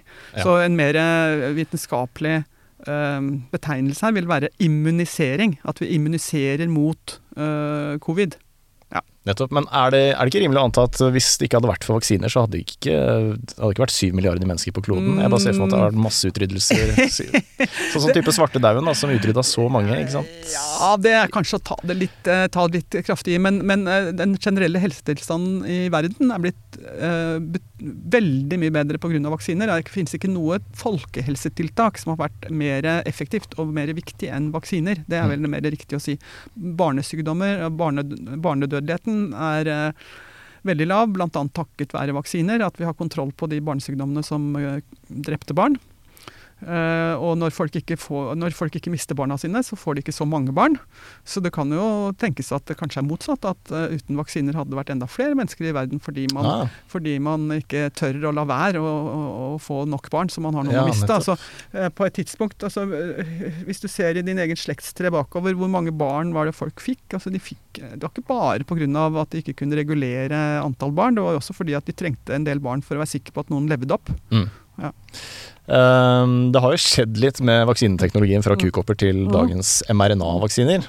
Det kan du si. Nå hopper jeg litt, men ja, helt i orden. men uh, jeg synes det er litt fast. Kan vi bare snakke litt om uh, hvordan mRNA-vaksiner fungerer? Vi trenger ja. ikke å gå så dypt i det, men bare litt sånn overordnet. For det er jo ny teknologi, da. Eller ja. det er gammel teknologi som er nylig tatt i bruk. Ja, hva skal vi si. MRNA-teknologien har vært under arbeid i en god del år, altså. Ehm, I hvert fall 15 år. Det kommer an på hvor man setter grensen. Um, hun som um, nå har fått æren av å være mRNA-vaksinens mor, Caitlin Carrico, tror jeg hun heter. Hun, hun er litt eldre enn meg og ble veldig opptatt av mRNA. Eh, på et tidspunkt hvor alle var opptatt av DNA. Altså at man oppdaget jo arvestoff og var opptatt av arvestoffets oppbygging, og man ville vite mest mulig om det. Og samtidig visste man at arvestoff ble lest av til et molekyl som ble kalt mRNA. Og, og, det var bare avskriften, så det var ikke så interessant. Men hun tenkte at mRNA, det må være noe spesielt med det. Det er nødt til å være noe vi kan bruke det til, og kanskje kan vi bruke det til en medisinsk behandling. Så hun bare liksom satte blikket i mRNA og ville jobbe med det. Uh, uansett hvor det ville føre henne. Og etter hvert så førte den til, til USA, hvor hun eh, tilfeldigvis møtte en immunolog over kaffen, og hvor de begynte å samarbeide og bl.a. kunne vise at ved å overføre mRNA inn i celler, så kan de hindre hindre hiv-virus i å kopiere seg selv. Altså, det, RNA hadde egenskaper som man kunne bruke til behandling. Så de to gjorde en del forsøk som bl.a. Eh, viste at eh, RNA, mRNA i våre celler er eh, Hva skal vi si Jeg, jeg har merkelapper mm. merkelapper på seg som gjør at det uh, er mer stabilt, og at det kan skilles fra alt mulig annet som dyttes inn i cellene av en virus eller bakterie. Så hvis det kommer en virus inn i kroppen, inn i cellene, så kan cellene på en måte registrere at det er, dette er det jeg har laget selv, og dette er det viruset. Så merkelappene som er satt på vårt eget mRNA, det gjør at kan, kroppen klarer å skille det ene fra det andre. Um, og Eh, det er sånn type kunnskap som da ligger bak at vi nå faktisk har fått en virksom mRNA-vaksine. Fordi eh, de første forsøkene som ble gjort for å overføre mRNA for å få en celle til å produsere et eller annet Når man lager mRNA i laboratoriet, sånn som jeg kan finne på å gjøre, og som andre gjør, blander sammen reagenser, og så får du laget dette her, da mangler de merkelappene. Så hvis du putter dette inn i celler, så vil det bli oppfattet som fremmed, og cellene reagerer kraftig. Kanskje de dør, eller de sender ut masse signaler, og det blir eh, Cellene oppfører seg ikke normalt. Og forsøk på å bruke syntetisk framstilt mRNA som vaksine, det, det ble for kraftig immunreaksjon. Og så kom de på, disse to, Kaitlin og samarbeidspartneren, Kariko og samarbeidspartneren, at hvis vi bruker de merkelappene som vi nå vet noe om på mRNA vi lager, mRNA som er, har merkelapper på, så vil eh, denne reaksjonen kanskje ikke bli så kraftig. Da ligner det mer på vårt eget mRNA. Og det stemte. Så den eh, mRNA-vaksinen som vi da eh, nå har fått, mange av oss, eh, det består av modifisert RNA. Så jeg eh, vet ikke om alle eh, har fått Så syntetisk RNA, men som er modifisert? Ja. ja. Det, det, er laget syntetisk. Det kan lages i fabrikker. Det, det, er, det, er, jo en av fordelene her. Men man har altså da sørget for at noen av byggestenene i det syntetiske mRNA er modifisert sånn som mm. kroppen gjør det sjøl. Um, og da får man altså et eh, stoff som ikke aktiverer for kraftig betennelsesreaksjon, uh, og dermed fungerer som en eh, vaksine. Sånn som og gjør egentlig det samme som et virus gjør når det kommer inn i cellene. Vi, jo, vi snakket jo tidligere her om at et virus, eh, når det kommer inn i cellene, så vil det sette i gang en del um, reaksjoner. altså Cellen kan oppdage det på ulik vis og sende ut signaler som virker både lokalt og mer systemisk og til hjernen osv mRNA-vaksinen gjør akkurat det samme, men det er ikke et virus, og det driver ikke og lurer noe som helst. Det, ikke, det inneholder ikke noe annet enn de merkelappene for å lure immunforsvaret. Så, så, så da får man en eh, akt, god, god, aktivering av immunforsvaret, og samtidig også de virkningen av vaksinen da, som folk er opptatt av. Ja, for virkningen er jo målet med denne mRNA-sekvensen er jo å lage dette spike-proteinet. I hvert fall når vi snakker om koronavaksinen, da, Pfizer ja. og Moderna. Ja. Og det er på en måte en, er det en snarvei? Uh, hvis vi sammenligner med AstraZeneca, som bruker da en DNA-sekvens, ikke sant? Ja, nei, det, det, blir egentlig litt samme tankegangen. Det er bare at uh, AstraZeneca-vaksinen uh, bruker DNA, som du sier. Altså en annen type kjemikalier, men fortsatt arvestoff. og det må da inn i celler på samme måte. Det må faktisk lages en mRNA-kopi mm. før vi kan få laget proteinstein. Det er, litt, litt, mer omstendelig, liksom? Litt mer omstendelig, men fordelen er at DNA er mye mer stabilt. Så, så uh, AstraZeneca-vaksinen og Janssen-vaksinen har den fordelen at uh, vaksinen uh, kan oppvares i romtemperatur. Mm. Lettere å, å, håndtere, særlig hvis man skal frakte det til steder hvor det ikke er noe fryseboks. Um, Eh, nei, så sånn sett er de like. Uh, men, uh, men uh, skal vi se, du, Sparky, altså hvordan er det Ja, altså målet med Det er å produsere dette Sparky? Ja, ja målet, er, målet, målet, med å, å sette og ha en vaksine som inneholder arvestoff, er at kroppen selv lager spike-proteinet. For den alternative måten å gjøre det på, er at man lager spike-proteinet i fabrikken. Og så er det spike-proteinet som puttes i vaksinen, og så får du proteinet ferdig laget. Og en del eh, vaksiner vi bruker er laget sånn. Så eh, hepatitt B-vaksinen f.eks. inneholder protein fra hepatitt B-viruset, og det lages syntetisk i en fabrikk, og det er det som er vaksineinnholdet. Mens Mens eh, i forhold til dette pandemiviruset, så eh, har det altså da vært supervellykket å bare bruke arvestoffet, bare bruke informasjonen som tre cellene trenger for å produsere det spike-proteinet. Og vi vet jo at cellene er eksperter på å lage spike-protein. Det er jo derfor viruset mm. kan produseres. Sånn at Uh, man har løst en masse tekniske problemer på den mm. måten. Uh, for det er slett ikke sikkert at du på kort tid klarer å lage et protein som du ikke kjenner fra før. Og at det skal bli vellykket og stabilt nok til at det kan brukes som vaksine. Det er, er en, um, ikke en triviell ting. Uh, og det er en av de tingene som gjør at jeg syns mRNA-teknologien er så ypperlig. at man hopper over eh, de vanskelige tekniske punktene der, og, og, og lar eh, cellene ja. ordne det selv. Akkurat sånn som det skjer når man har en, en virusinfeksjon. Vi, jo, vi gir jo disse vaksinene fordi vi skal få en immunreaksjon mot et virus. Og det er jo på samme måte viruset kommer med et arvestoff, DNA eller RNA, inn i cellene, og cellene blir tvunget til å lage virusproteinet.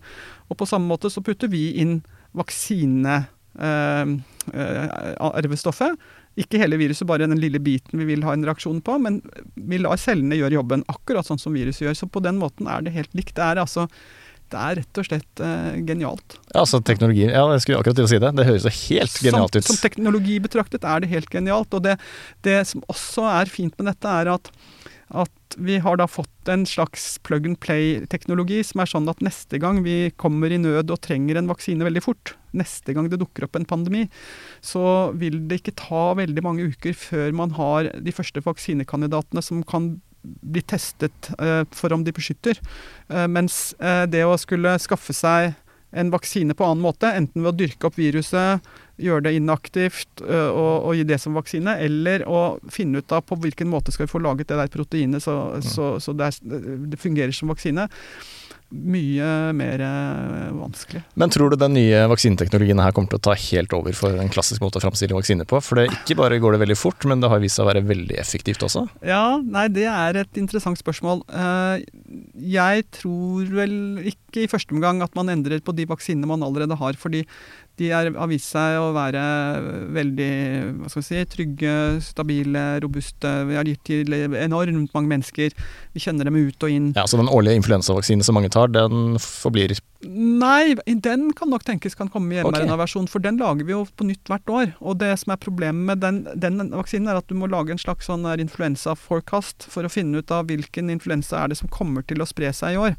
Eh, så du ser at det er noen varianter som er i omløp i Kina, og du skjønner at det kommer til å spre seg, men hvilken av de havner i Norge? Det blir en slags gjettelek, og av og til treffer man helt fint og lager vaksine mot den, den, som faktisk kommer, og av og til så treffer man litt på siden.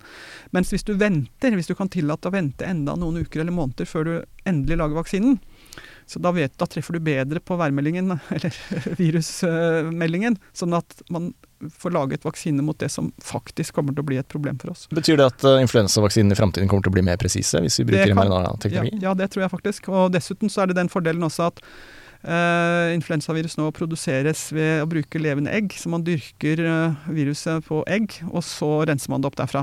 Det er jo utrolig Hva skal vi si Det er jo tungvint, altså. Det er mm. gammeldags og tungvint. Ja. Er, Hallo, velkommen så, til Skisjeen, da.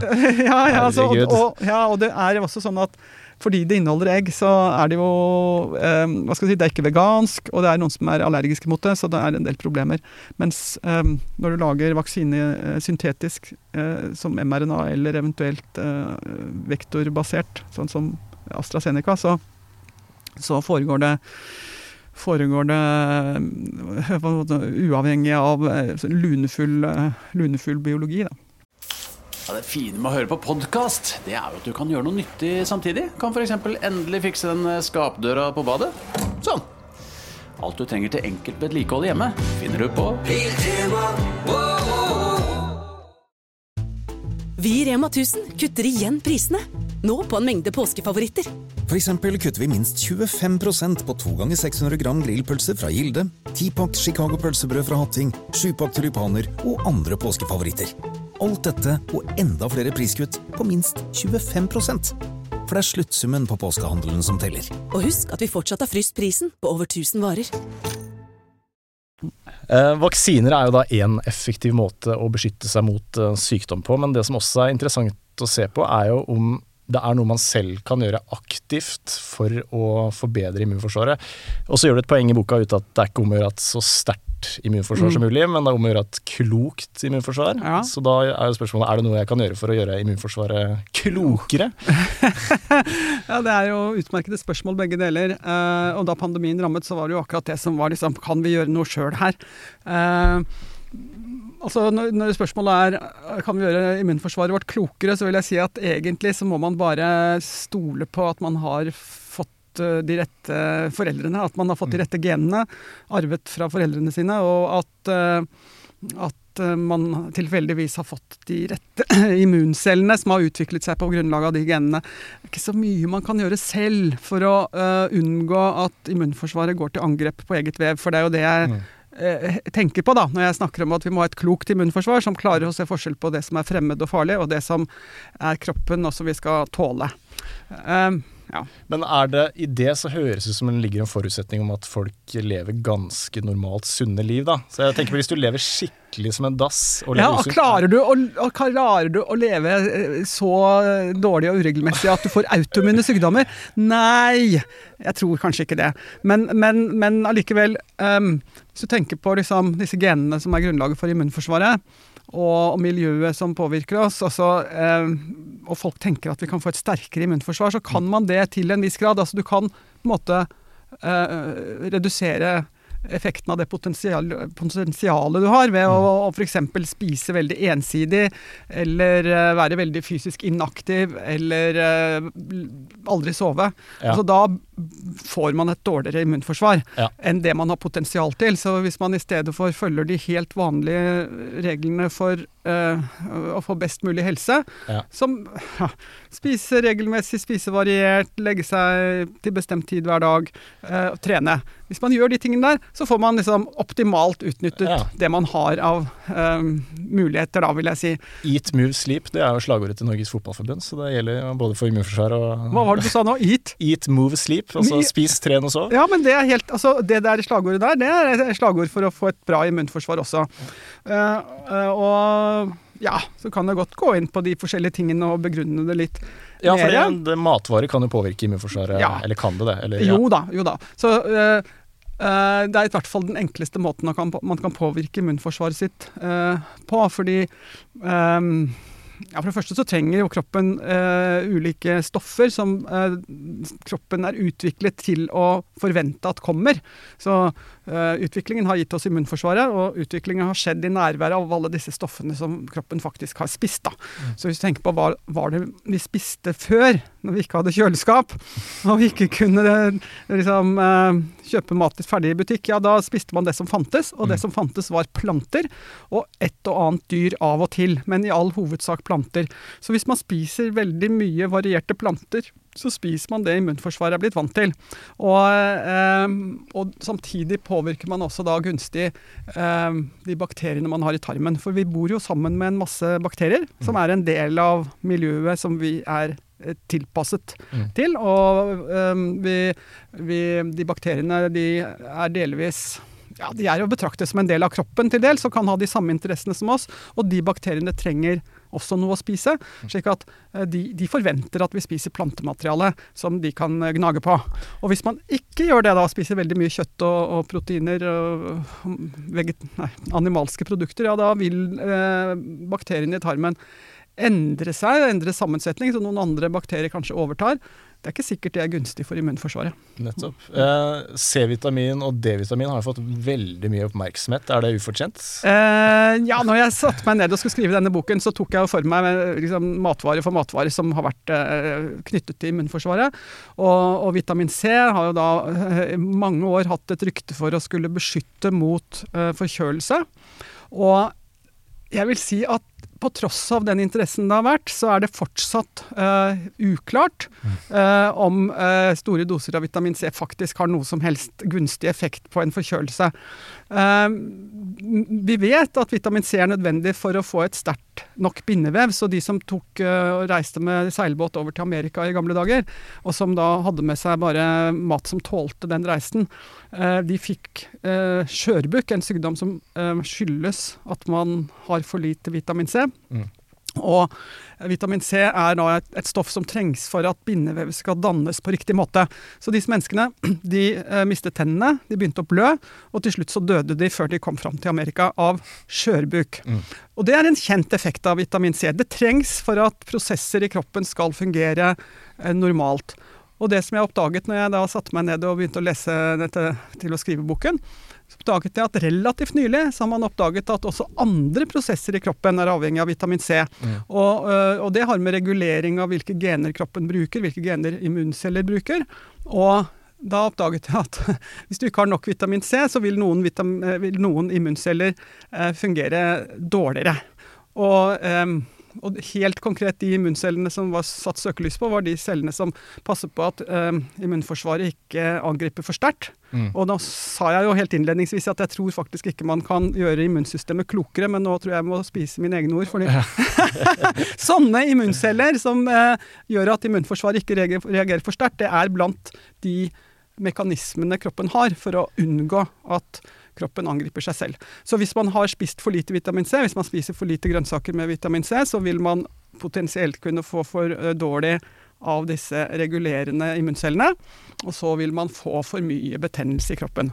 Riktig, så. C-vitamin er helt uh, vesentlig, men det er veldig sjelden med C-vitaminmangel. Ja, ja, ja liksom absolutt. Sånn at uh, den, uh, I Norge hvor vi har så god tilgang til ferske matvarer, ferske grønnsaker og, og frukt, så er C-vitaminmangel et ikke-problem, og det er ikke nødvendig å ta tilskudd for å få mm. den gunstige effekten. Så jeg vil si at dette er bare et problem hvis du reiser med seilbåt ja.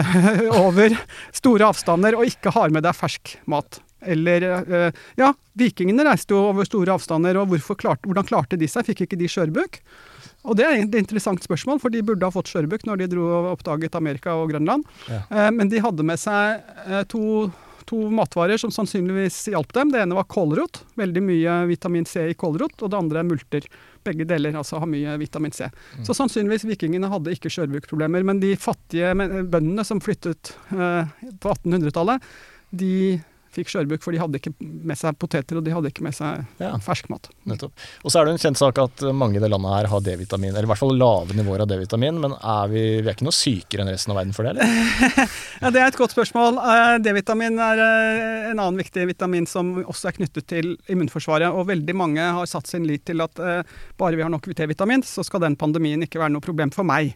Um, og um, Så hva er det D-vitamin gjør, og hvor får vi det fra? I, I, vår del av verden hvor vi lever så langt mot nord, så er um, det for lite sollys store deler av året til at vi klarer å lage vitamin D selv i huden. Vanligvis så er det der vitaminer produseres. Så om sommeren, og som vi er ferdig med sommeren, så har alle vært ute og produsert D-vitamin i huden sin. Men om vinteren så blir det for lite, så da må vi få det gjennom um, kosten. Og da blir det um, fet fisk, mm. tran. Uh, og der stopper det omtrent. Så Derfor så er mat i Norge beriket med D-vitamin. Så smør og margarin er beriket med D-vitamin. Noen melkeprodukter har tilsatt D-vitamin for å sikre at vi får i oss nok. Uh, og selv det kan være litt for lite for folk som ikke spiser så mye mat. Så, så, det kan være et godt råd om vinteren å ta tilskudd, enten tran eller eh, vitamin D-tabletter. Riktig. Jeg, jeg, hørte i en annen podkast, jeg lurer på om det var den du gjesta med ja. Emilie Næring eller ja. annet sånt, hvor du snakker om at uh, man kan også få i seg for mye vitamin A. Så hvis du tar trantilskudd, så kan du få overdose av A-vitamin. Det er helt riktig. Så hvis man satser på at det ekstra vitamintilskuddet skal komme gjennom å ta tran, så er en skje om dagen nok. For hvis man overdriver transpising, ja. som du sier, så får man et problem med vitamin A som uh, har, uh, hvor man mye raskere får for store doser, og det kan bli uh, et problem. Um, så ja, sånn på generelt grunnlag så er det ikke bra å ha for lave D-vitaminnivåer. Og du spør er vi mer syke i Norge fordi vi sannsynligvis har lavere nivåer. Ja, det er enkelte sykdommer som er vanligere i vår del av verden enn andre steder. Og det er bl.a. multippel sklerose, en autoimmun sykdom mm. som jeg har interessert meg mye for opp gjennom tiden. Den eh, forekommer særlig eh, i nordområdene, altså i Norge, Skandinavia, England. Og det kan delvis skyldes genene vi har, og delvis kan det skyldes D-vitaminstatus, og delvis kan det være andre ting. Men det er jo ikke akkurat noen folkesykdom, da, multiple sklerose. Nei, det er vel ganske Nei, sjeldent. Det er ganske sjeldent. Um, og, og, generelt så har jo vi, etter min mening, en, en veldig god helsestatus i Norge. Uh, så det å si at vi generelt har dårlig helse fordi vi har for lave D-vitaminår, det, det er å overdrive, syns jeg.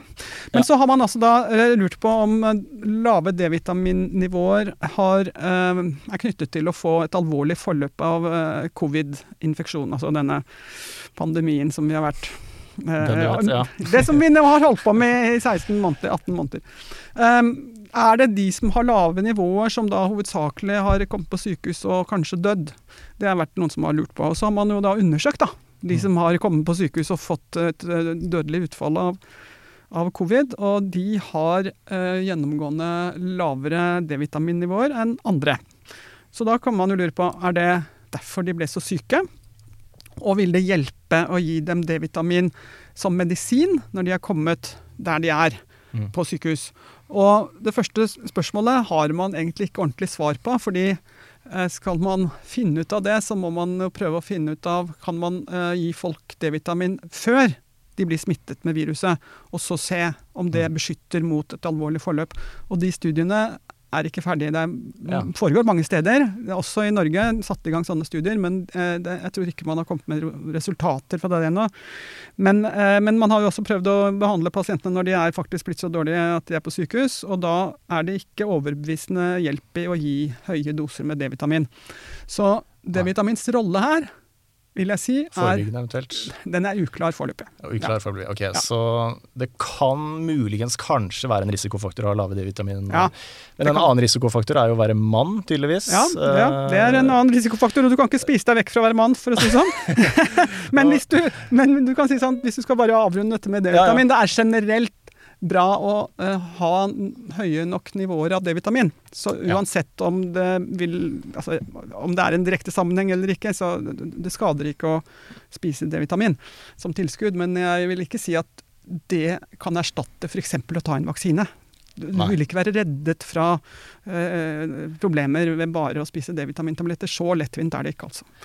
Uh, og det kan man jo også lure på, hva er det D-vitamin gjør i immunforsvaret? Hva er det det trengs til? Og uh, der har vi fått masse ny kunnskap de siste 15 årene omtrent. Jeg husker første gang jeg hørte om dette var i 2007, og da var det relativt nytt at noen begynte å jobbe med det.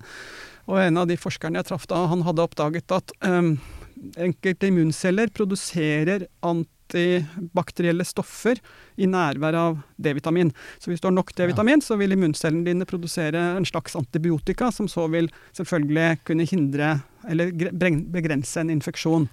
Så det høres jo fint ut.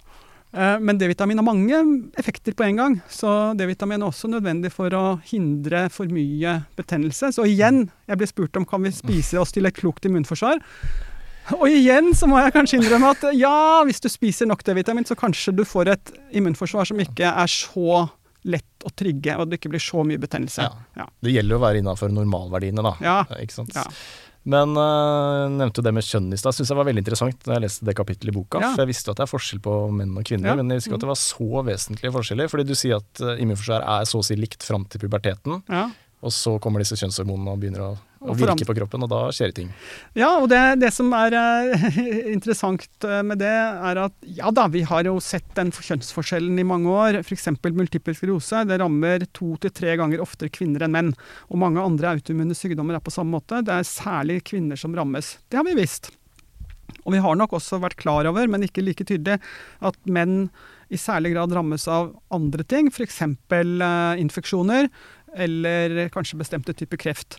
Nå har covid vist oss med all tydelighet at det er tydelige kjønnsforskjeller, fordi det er hovedsakelig menn som har blitt alvorlig syke og dødd. Og det gjelder i grunnen alle aldre, iallfall fra voksne til olding.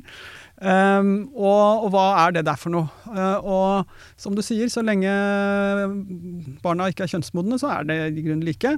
Uh, men med en gang du får kjønnshormonene inn i bildet, så, så blir det forskjeller. Så noe av dette bestemmes av kjønnshormoner, rett og slett. Og um, hvorfor er det sånn? Um, eh, det, det, det, kan man jo jeg, En god del av det jeg skriver i boken, eh, eh, roterer rundt eller handler om at immunforsvaret er som det er, fordi det har en uh, utviklingsmessig uh, hensikt. Så det er begrunnet gjennom hva var det som var mest effektivt for å overføre genene sine videre.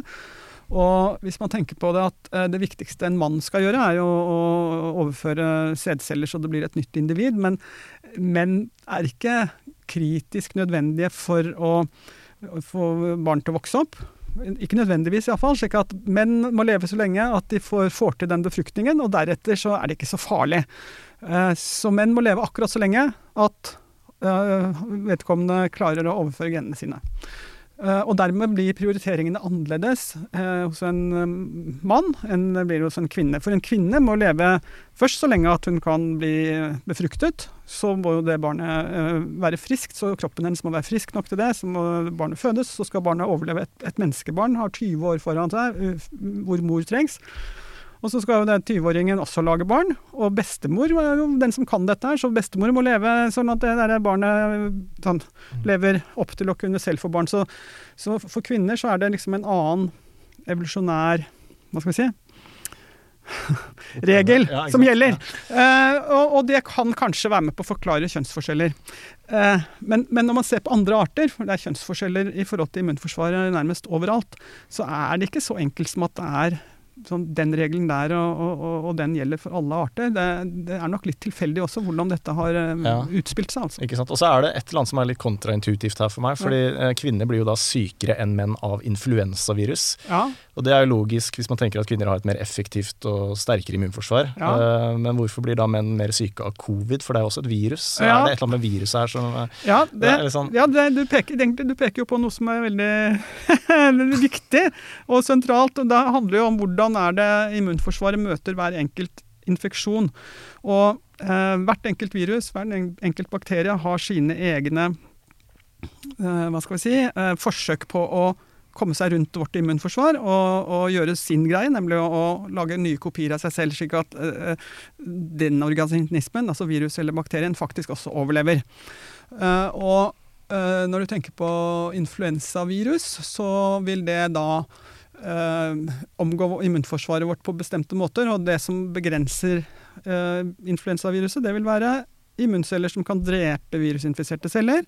Og der er kvinner den, den, funksjonen er best hos kvinner. Mm. Eh, fordi kvinner bør være så mye som mulig infeksjonsfri. Så det er veldig godt tilpasset immunforsvar hos kvinner. Eh, tenk på at det å bære fram et barn og sette inn alle de ressursene, da har man ikke tid til også å bekjempe infeksjoner. Det er på en måte eh, mest mulig infeksjonsfri kropp for å lage en ny kropp. Mm. Um, og da vil det konsekvensen bli at influensa kan bli kraftigere hos kvinner. Um, men um, kan godt alltids tåle infeksjoner, så lenge vedkommende mann, mannsorganisme lever lenge nok til å få føde de der eller få føde, få bekruftet, få plantet de der frøene sine der de skal. Sånn at da er det kanskje viktigere å kunne slåss uh, mot de andre mennene. Og da blir det sår, og da vil uh, et immunforsvar som raskt reparerer skader, vil være mer gunstig. Altså et uh, immunforsvar som er mer rettet mot medfødte reaksjoner, som ikke trenger å vente vente i flere dager før de virker, men altså bare slår til og gjør jobben veldig raskt. Og når det gjelder covid, det viruset der, det, det som gjør at folk dør av covid, det er at immunforsvaret eh, tilpasset immunforsvaret, det, det, det, det, klarer ikke å kvitte oss med viruset. Og så blir det i stedet parallelt en altfor kraftig betennelse. Og menn ja. har en kraftigere betennelsesreaksjon for å reparere skader. Uh, og dermed kanskje også kraftigere covid. Altså Dette er jo rene spekulasjoner, men ja, det er iallfall en sånn måte man kan tenke ja. En sånn måte man kan tenke på. Fall, det er i hvert fall jeg håper at de som hører på dette, forstår, er at hver enkelt virus eller bakterie har sine spilleregler mm. som forklarer hvordan dette ser ut eh, som sykdom. Eh, og som jeg vel sa tidligere også, at de symptomene man får knyttet til en bestemt infeksjon vil delvis handle om at immunforsvaret skaper de symptomene, og delvis handler det om hva viruset eller bakterien kan uh, gjøre av skade, og dette til sammen blir sykdommen. Mm. Uh, så dette her er ikke så enkelt som at uh, et virus er en sykdom, og det er liksom Nei, et veldig enkelt regnestykke. Og det er jo det som gjør dette så veldig spennende også. Altså, hvis noen har lyst til å være med og forske på dette, så er det muligheter. Nei, det er muligheter. Man kan holde på i 40 år og en hel karriere. Og fortsatt ikke få svaret. Men ja, uh, Fortsatt ha spørsmål å se på. Mm. Uh, hvis evolusjonen har fått virke i tusen år til, og menn har slutta å slåss og ja, oppfører oss litt hvordan, annerledes, hvordan kommer det til å bli? Ja, blir vi likere, tror du? Mm, altså, nei, jeg, nei, jeg tror ikke det. fordi at uh, den kjønnsforskjellen skjer, ser du også hos insekter, du ser den i andre dyr. altså Alle steder hvor det er kjønnet formering, så har du denne kjønnsforskjellen. Og den er ikke, sånn som jeg sa i stad, det er ikke sånn at det er helt du kan liksom tenke deg til hvordan forskjellene blir. Det, det, er dessverre Da jeg satt og skrev, så skrev jeg meg liksom opp i et hjørne og prøvde å lage logikk her, og så så jeg etter at nei, men dette var, var nok ikke så logisk. Men, sånn at, sånn at, så det er litt tilfeldig hvordan dette blir. Og det som, nå har vi snakket litt om hormoner, at det kan forklare noen av forskjellene. så Uh, mye testosteron vil påvirke immuncellene i den retningen, og mye østrogen vil drive det i den andre retningen. Men det er ikke bare det. Kjønnet formering bestemmes jo også av om man har arvet et Y-kromosom eller uh, to X-kromosomer. Og på X-kromosomet så sitter det mange gener som uh, er med og styrer immunforsvaret. Så er man kvinne, så har man arvet dobbel dose av alle disse immungenene. Er man mann, så har man bare én dose av hver. Og den doseforskjellen der, altså mengden av immungener man har arvet, kan være med på å forklare hvorfor kvinner reagerer kraftigere. F.eks. en gang til tilbake til covid. Det SARS-CoV-2-viruset, det um, Når det kommer inn i cellene, så vil det bli oppdaget av um, proteiner. Immunregulerende proteiner. Og en del av de kommer fra X-kromosomet. Og kvinner har dobbelt opp av det. Det betyr at eh, det skal mer til for SARS-CoV-2 å lure en kvinnelig celle enn en mm. mannlig celle som bare har én dose av Eller en, altså, lager ikke like mye av disse samme genene. Og, og SARS-CoV-2 har som sin spesialitet å lure seg unna akkurat de første uh, hva skal jeg si, uh, mekanismene der for å oppdage virus, den brannvarslingen som starter helt i begynnelsen der. Og kvinner vil da være litt bedre utstyrt, og dermed svare litt raskere og få en litt bedre oppdage viruset raskere, og menn kommer liksom seint i gang. Så det kan også være en forklaring på at menn lettere havner i, liksom, i det mest alvorlige forløpet. Ja, For vi har ikke noen backup X-kromosom? Nei, det er liksom ikke noe backup der. Og, og, og, da har vi også, og det er også veldig interessant at nå eh, når man har hatt tid nok til å undersøke og forske på dette, så har det vært eh, helt nylig rapporter om at personer som blir veldig dårlige av covid, veldig mange av dem, ikke veldig mange, men tilstrekkelig mange til at det er påfallende, har eh, genetiske feil på X-kromosomet. Og hvis du da er mann og har arvet en sånn genetisk feil, ja da skjønner jo du at mm. da, da stiller man dårligere. Sånn at eh, Igjen kommer det ned til arv, altså. Mor og far, man er prisgitt uh, ja, de genene der. ja, ja det, er, det, er veldig, det var det jeg sa. Liksom, hva skal til for å ha et bra immunforsvar? Du må ha valgt uh, foreldrene dine med omhu, og det er jo ja. ikke så lett. Og foreldre som uh, pisker deg ut og får deg ut på trening. For trening, det syns jeg var interessant, for alle, alle, vet jo at trening er sunt, liksom. det har vi lært. Men akkurat hva som skjer i kroppen når du trener, skal jeg prøve å huske riktig her, men én ting som skjer, er i hvert fall at trening er med på å dempe immunforsvaret. Og dette var kanskje litt sånn Eh, opplevdes litt som motsiden, men uh, immunforsvaret også med Nei, det å trene er også med på at man får økt immunovervåkning. Ja, så, ja nettopp. Så du har, du, har, eh, du nevner to ting der da, som vi har lært nå i relativt ny tid. Og jeg vil si at her kommer det helt sikkert mer kunnskap framover. Sånn av forskningsfelt som liksom er åpne, og som det går an å tenke seg at man finner mer ut av. Hvordan virker musklene?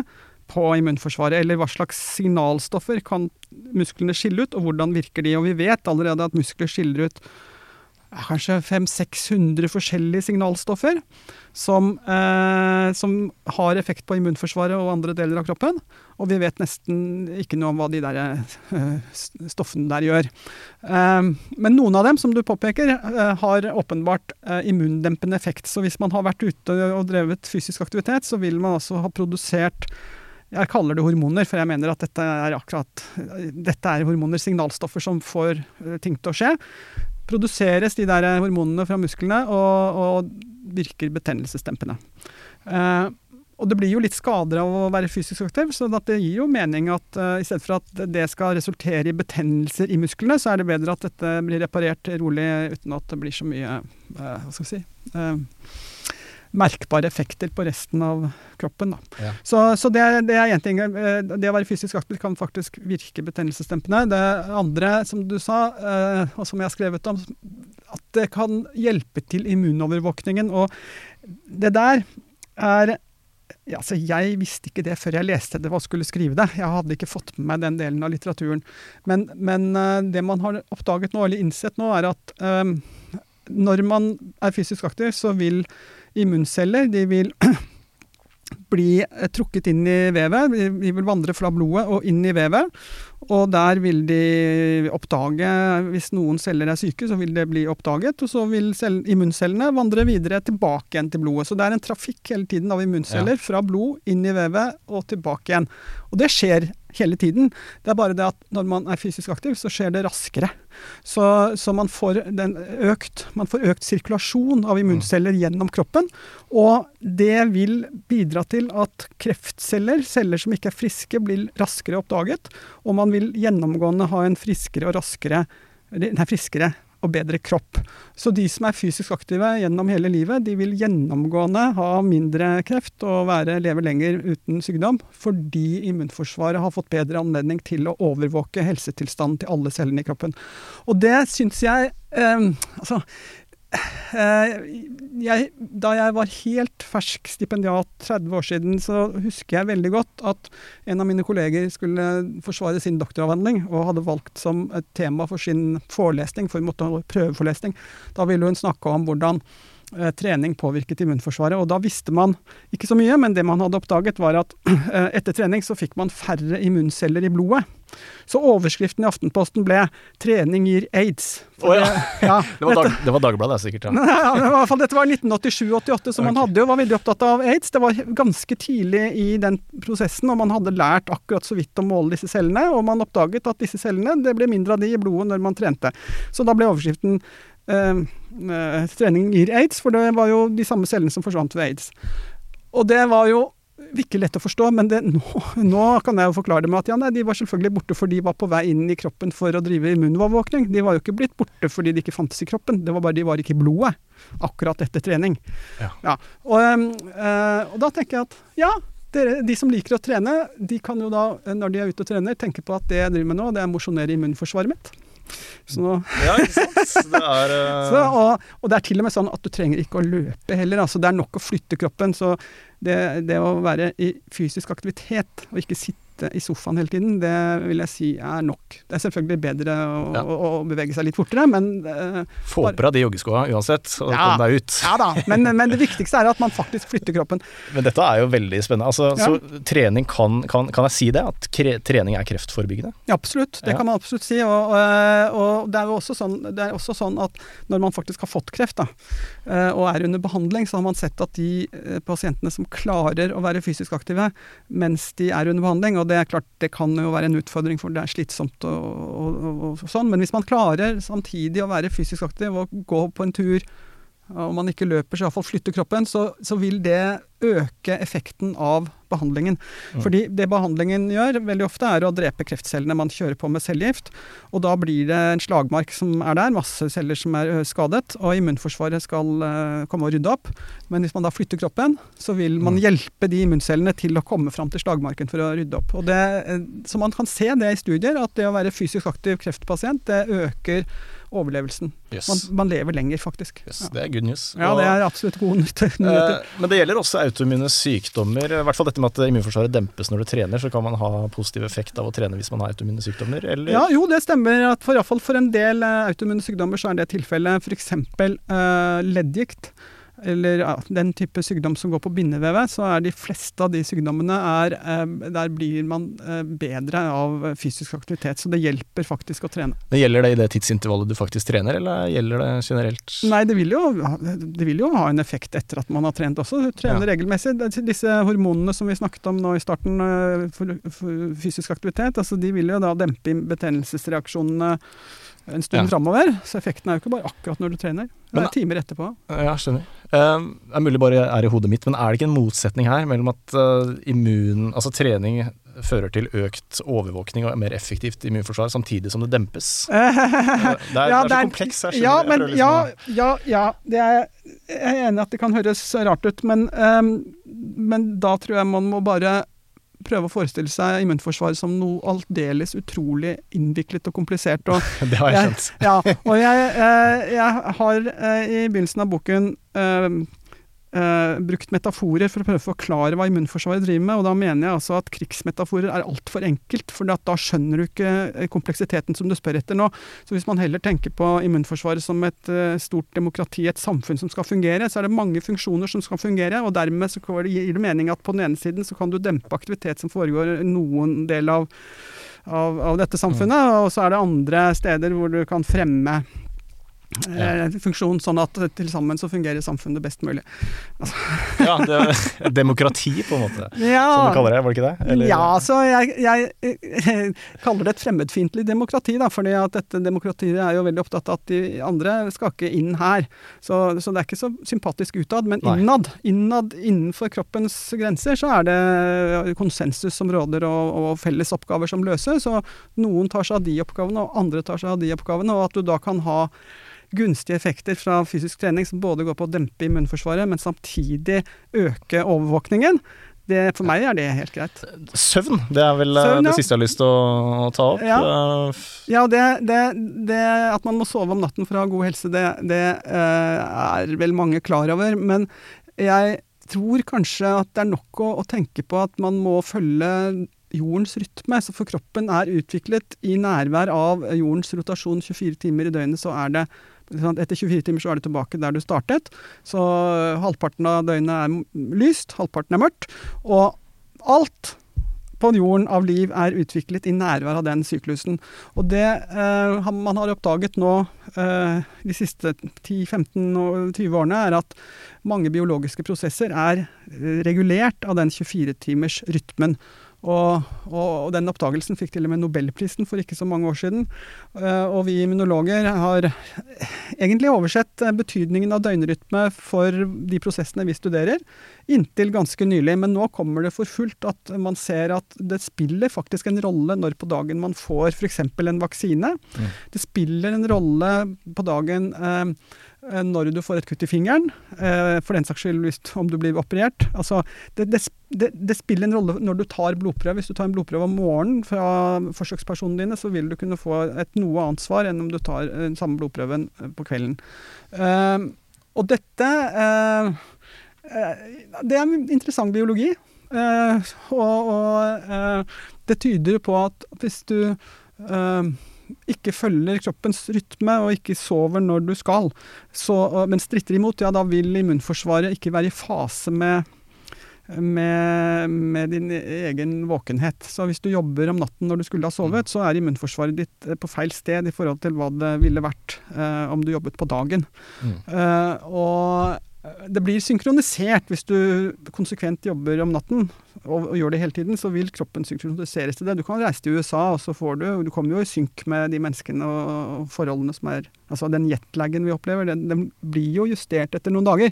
Men, men, men det man har også har visst, men som nå skjønner bedre, er at hvis du jobber i skift, og stadig vekk skifter rytme, så noen ganger går du nattevakt, og noen ganger har du morgenvakt, og noen ganger har du seinvakt, ja da forstyrrer du hele tiden immunforsvaret og døgnrytmen til kroppen, og immunforsvarets evne til å holde deg frisk blir ikke så god, og du har større sjanse for å få kreft, du har større sjanse for å få hjerte-karsykdom og, mm. og, den type ting.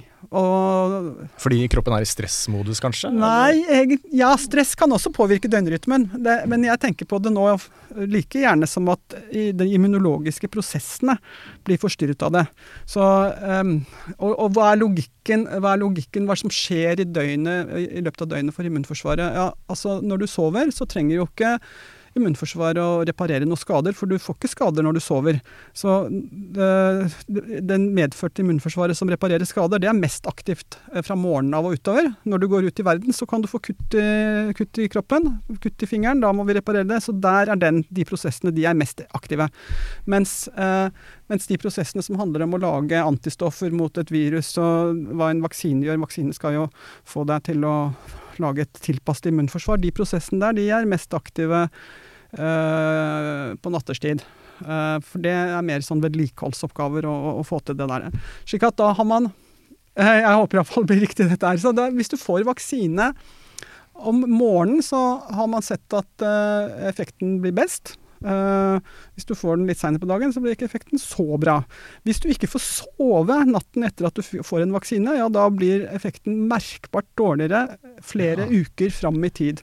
Så det har man gjort forsøk på å gitt unge mennesker frivillige vaksiner mot noe de ikke hadde møtt før. En vaksine man visste at de ikke hadde vært borti før. Så da, halvparten ble holdt våkne ved å lese og snakke med forsøkslederen og sånn hele natten. Andre fikk sove fint.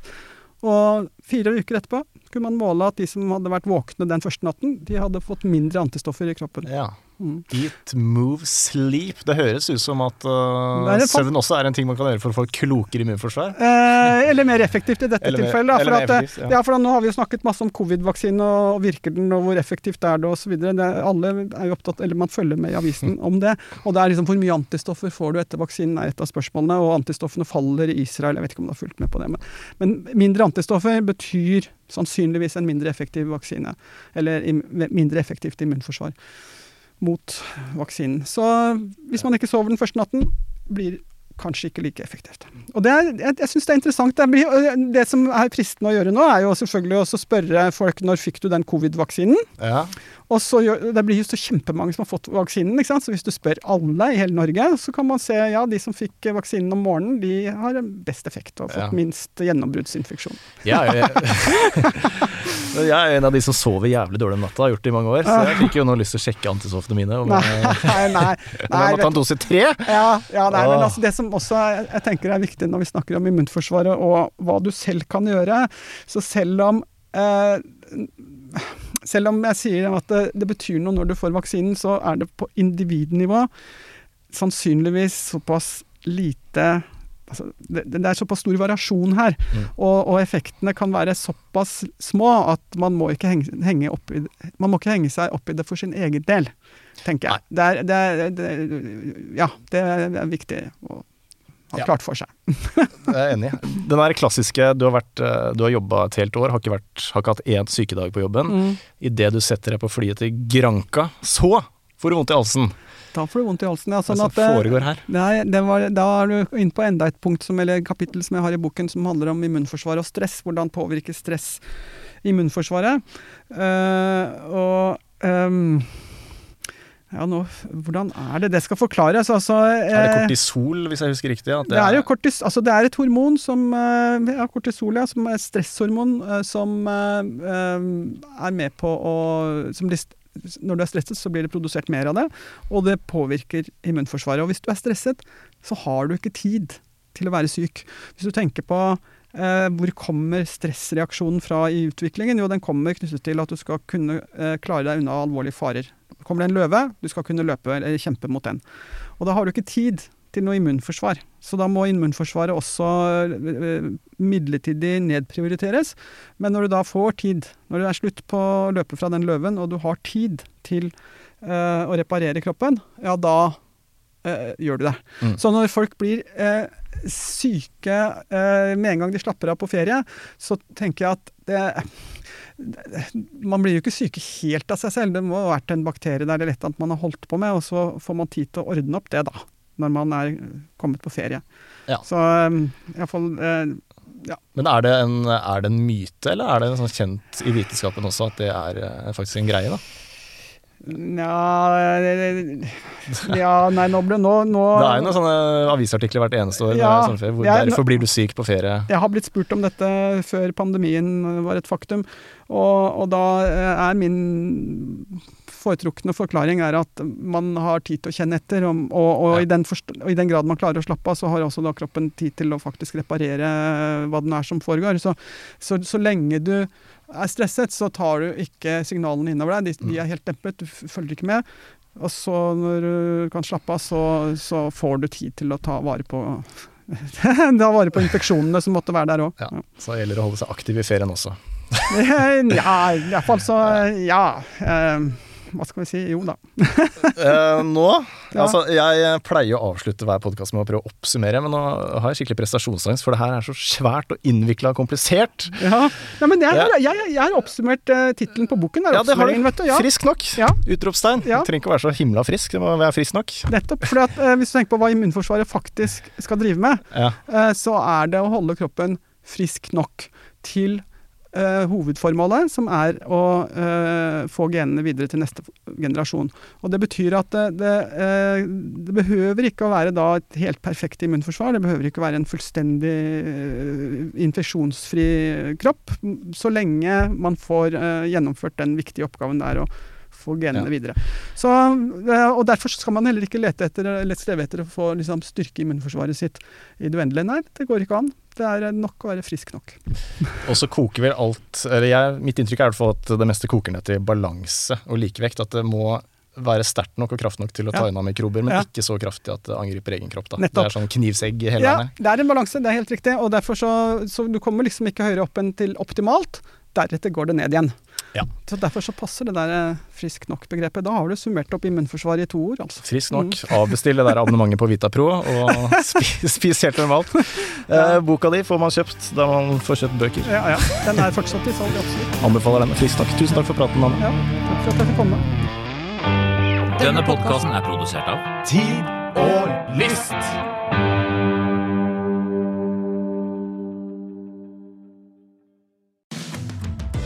Sommer, vinter, høst eller vår. Uansett hva du trenger til hjemmet, byggeprosjektet, bilen eller fritiden, finner du det hos Biltema. Hvorfor betale mer? Biltema.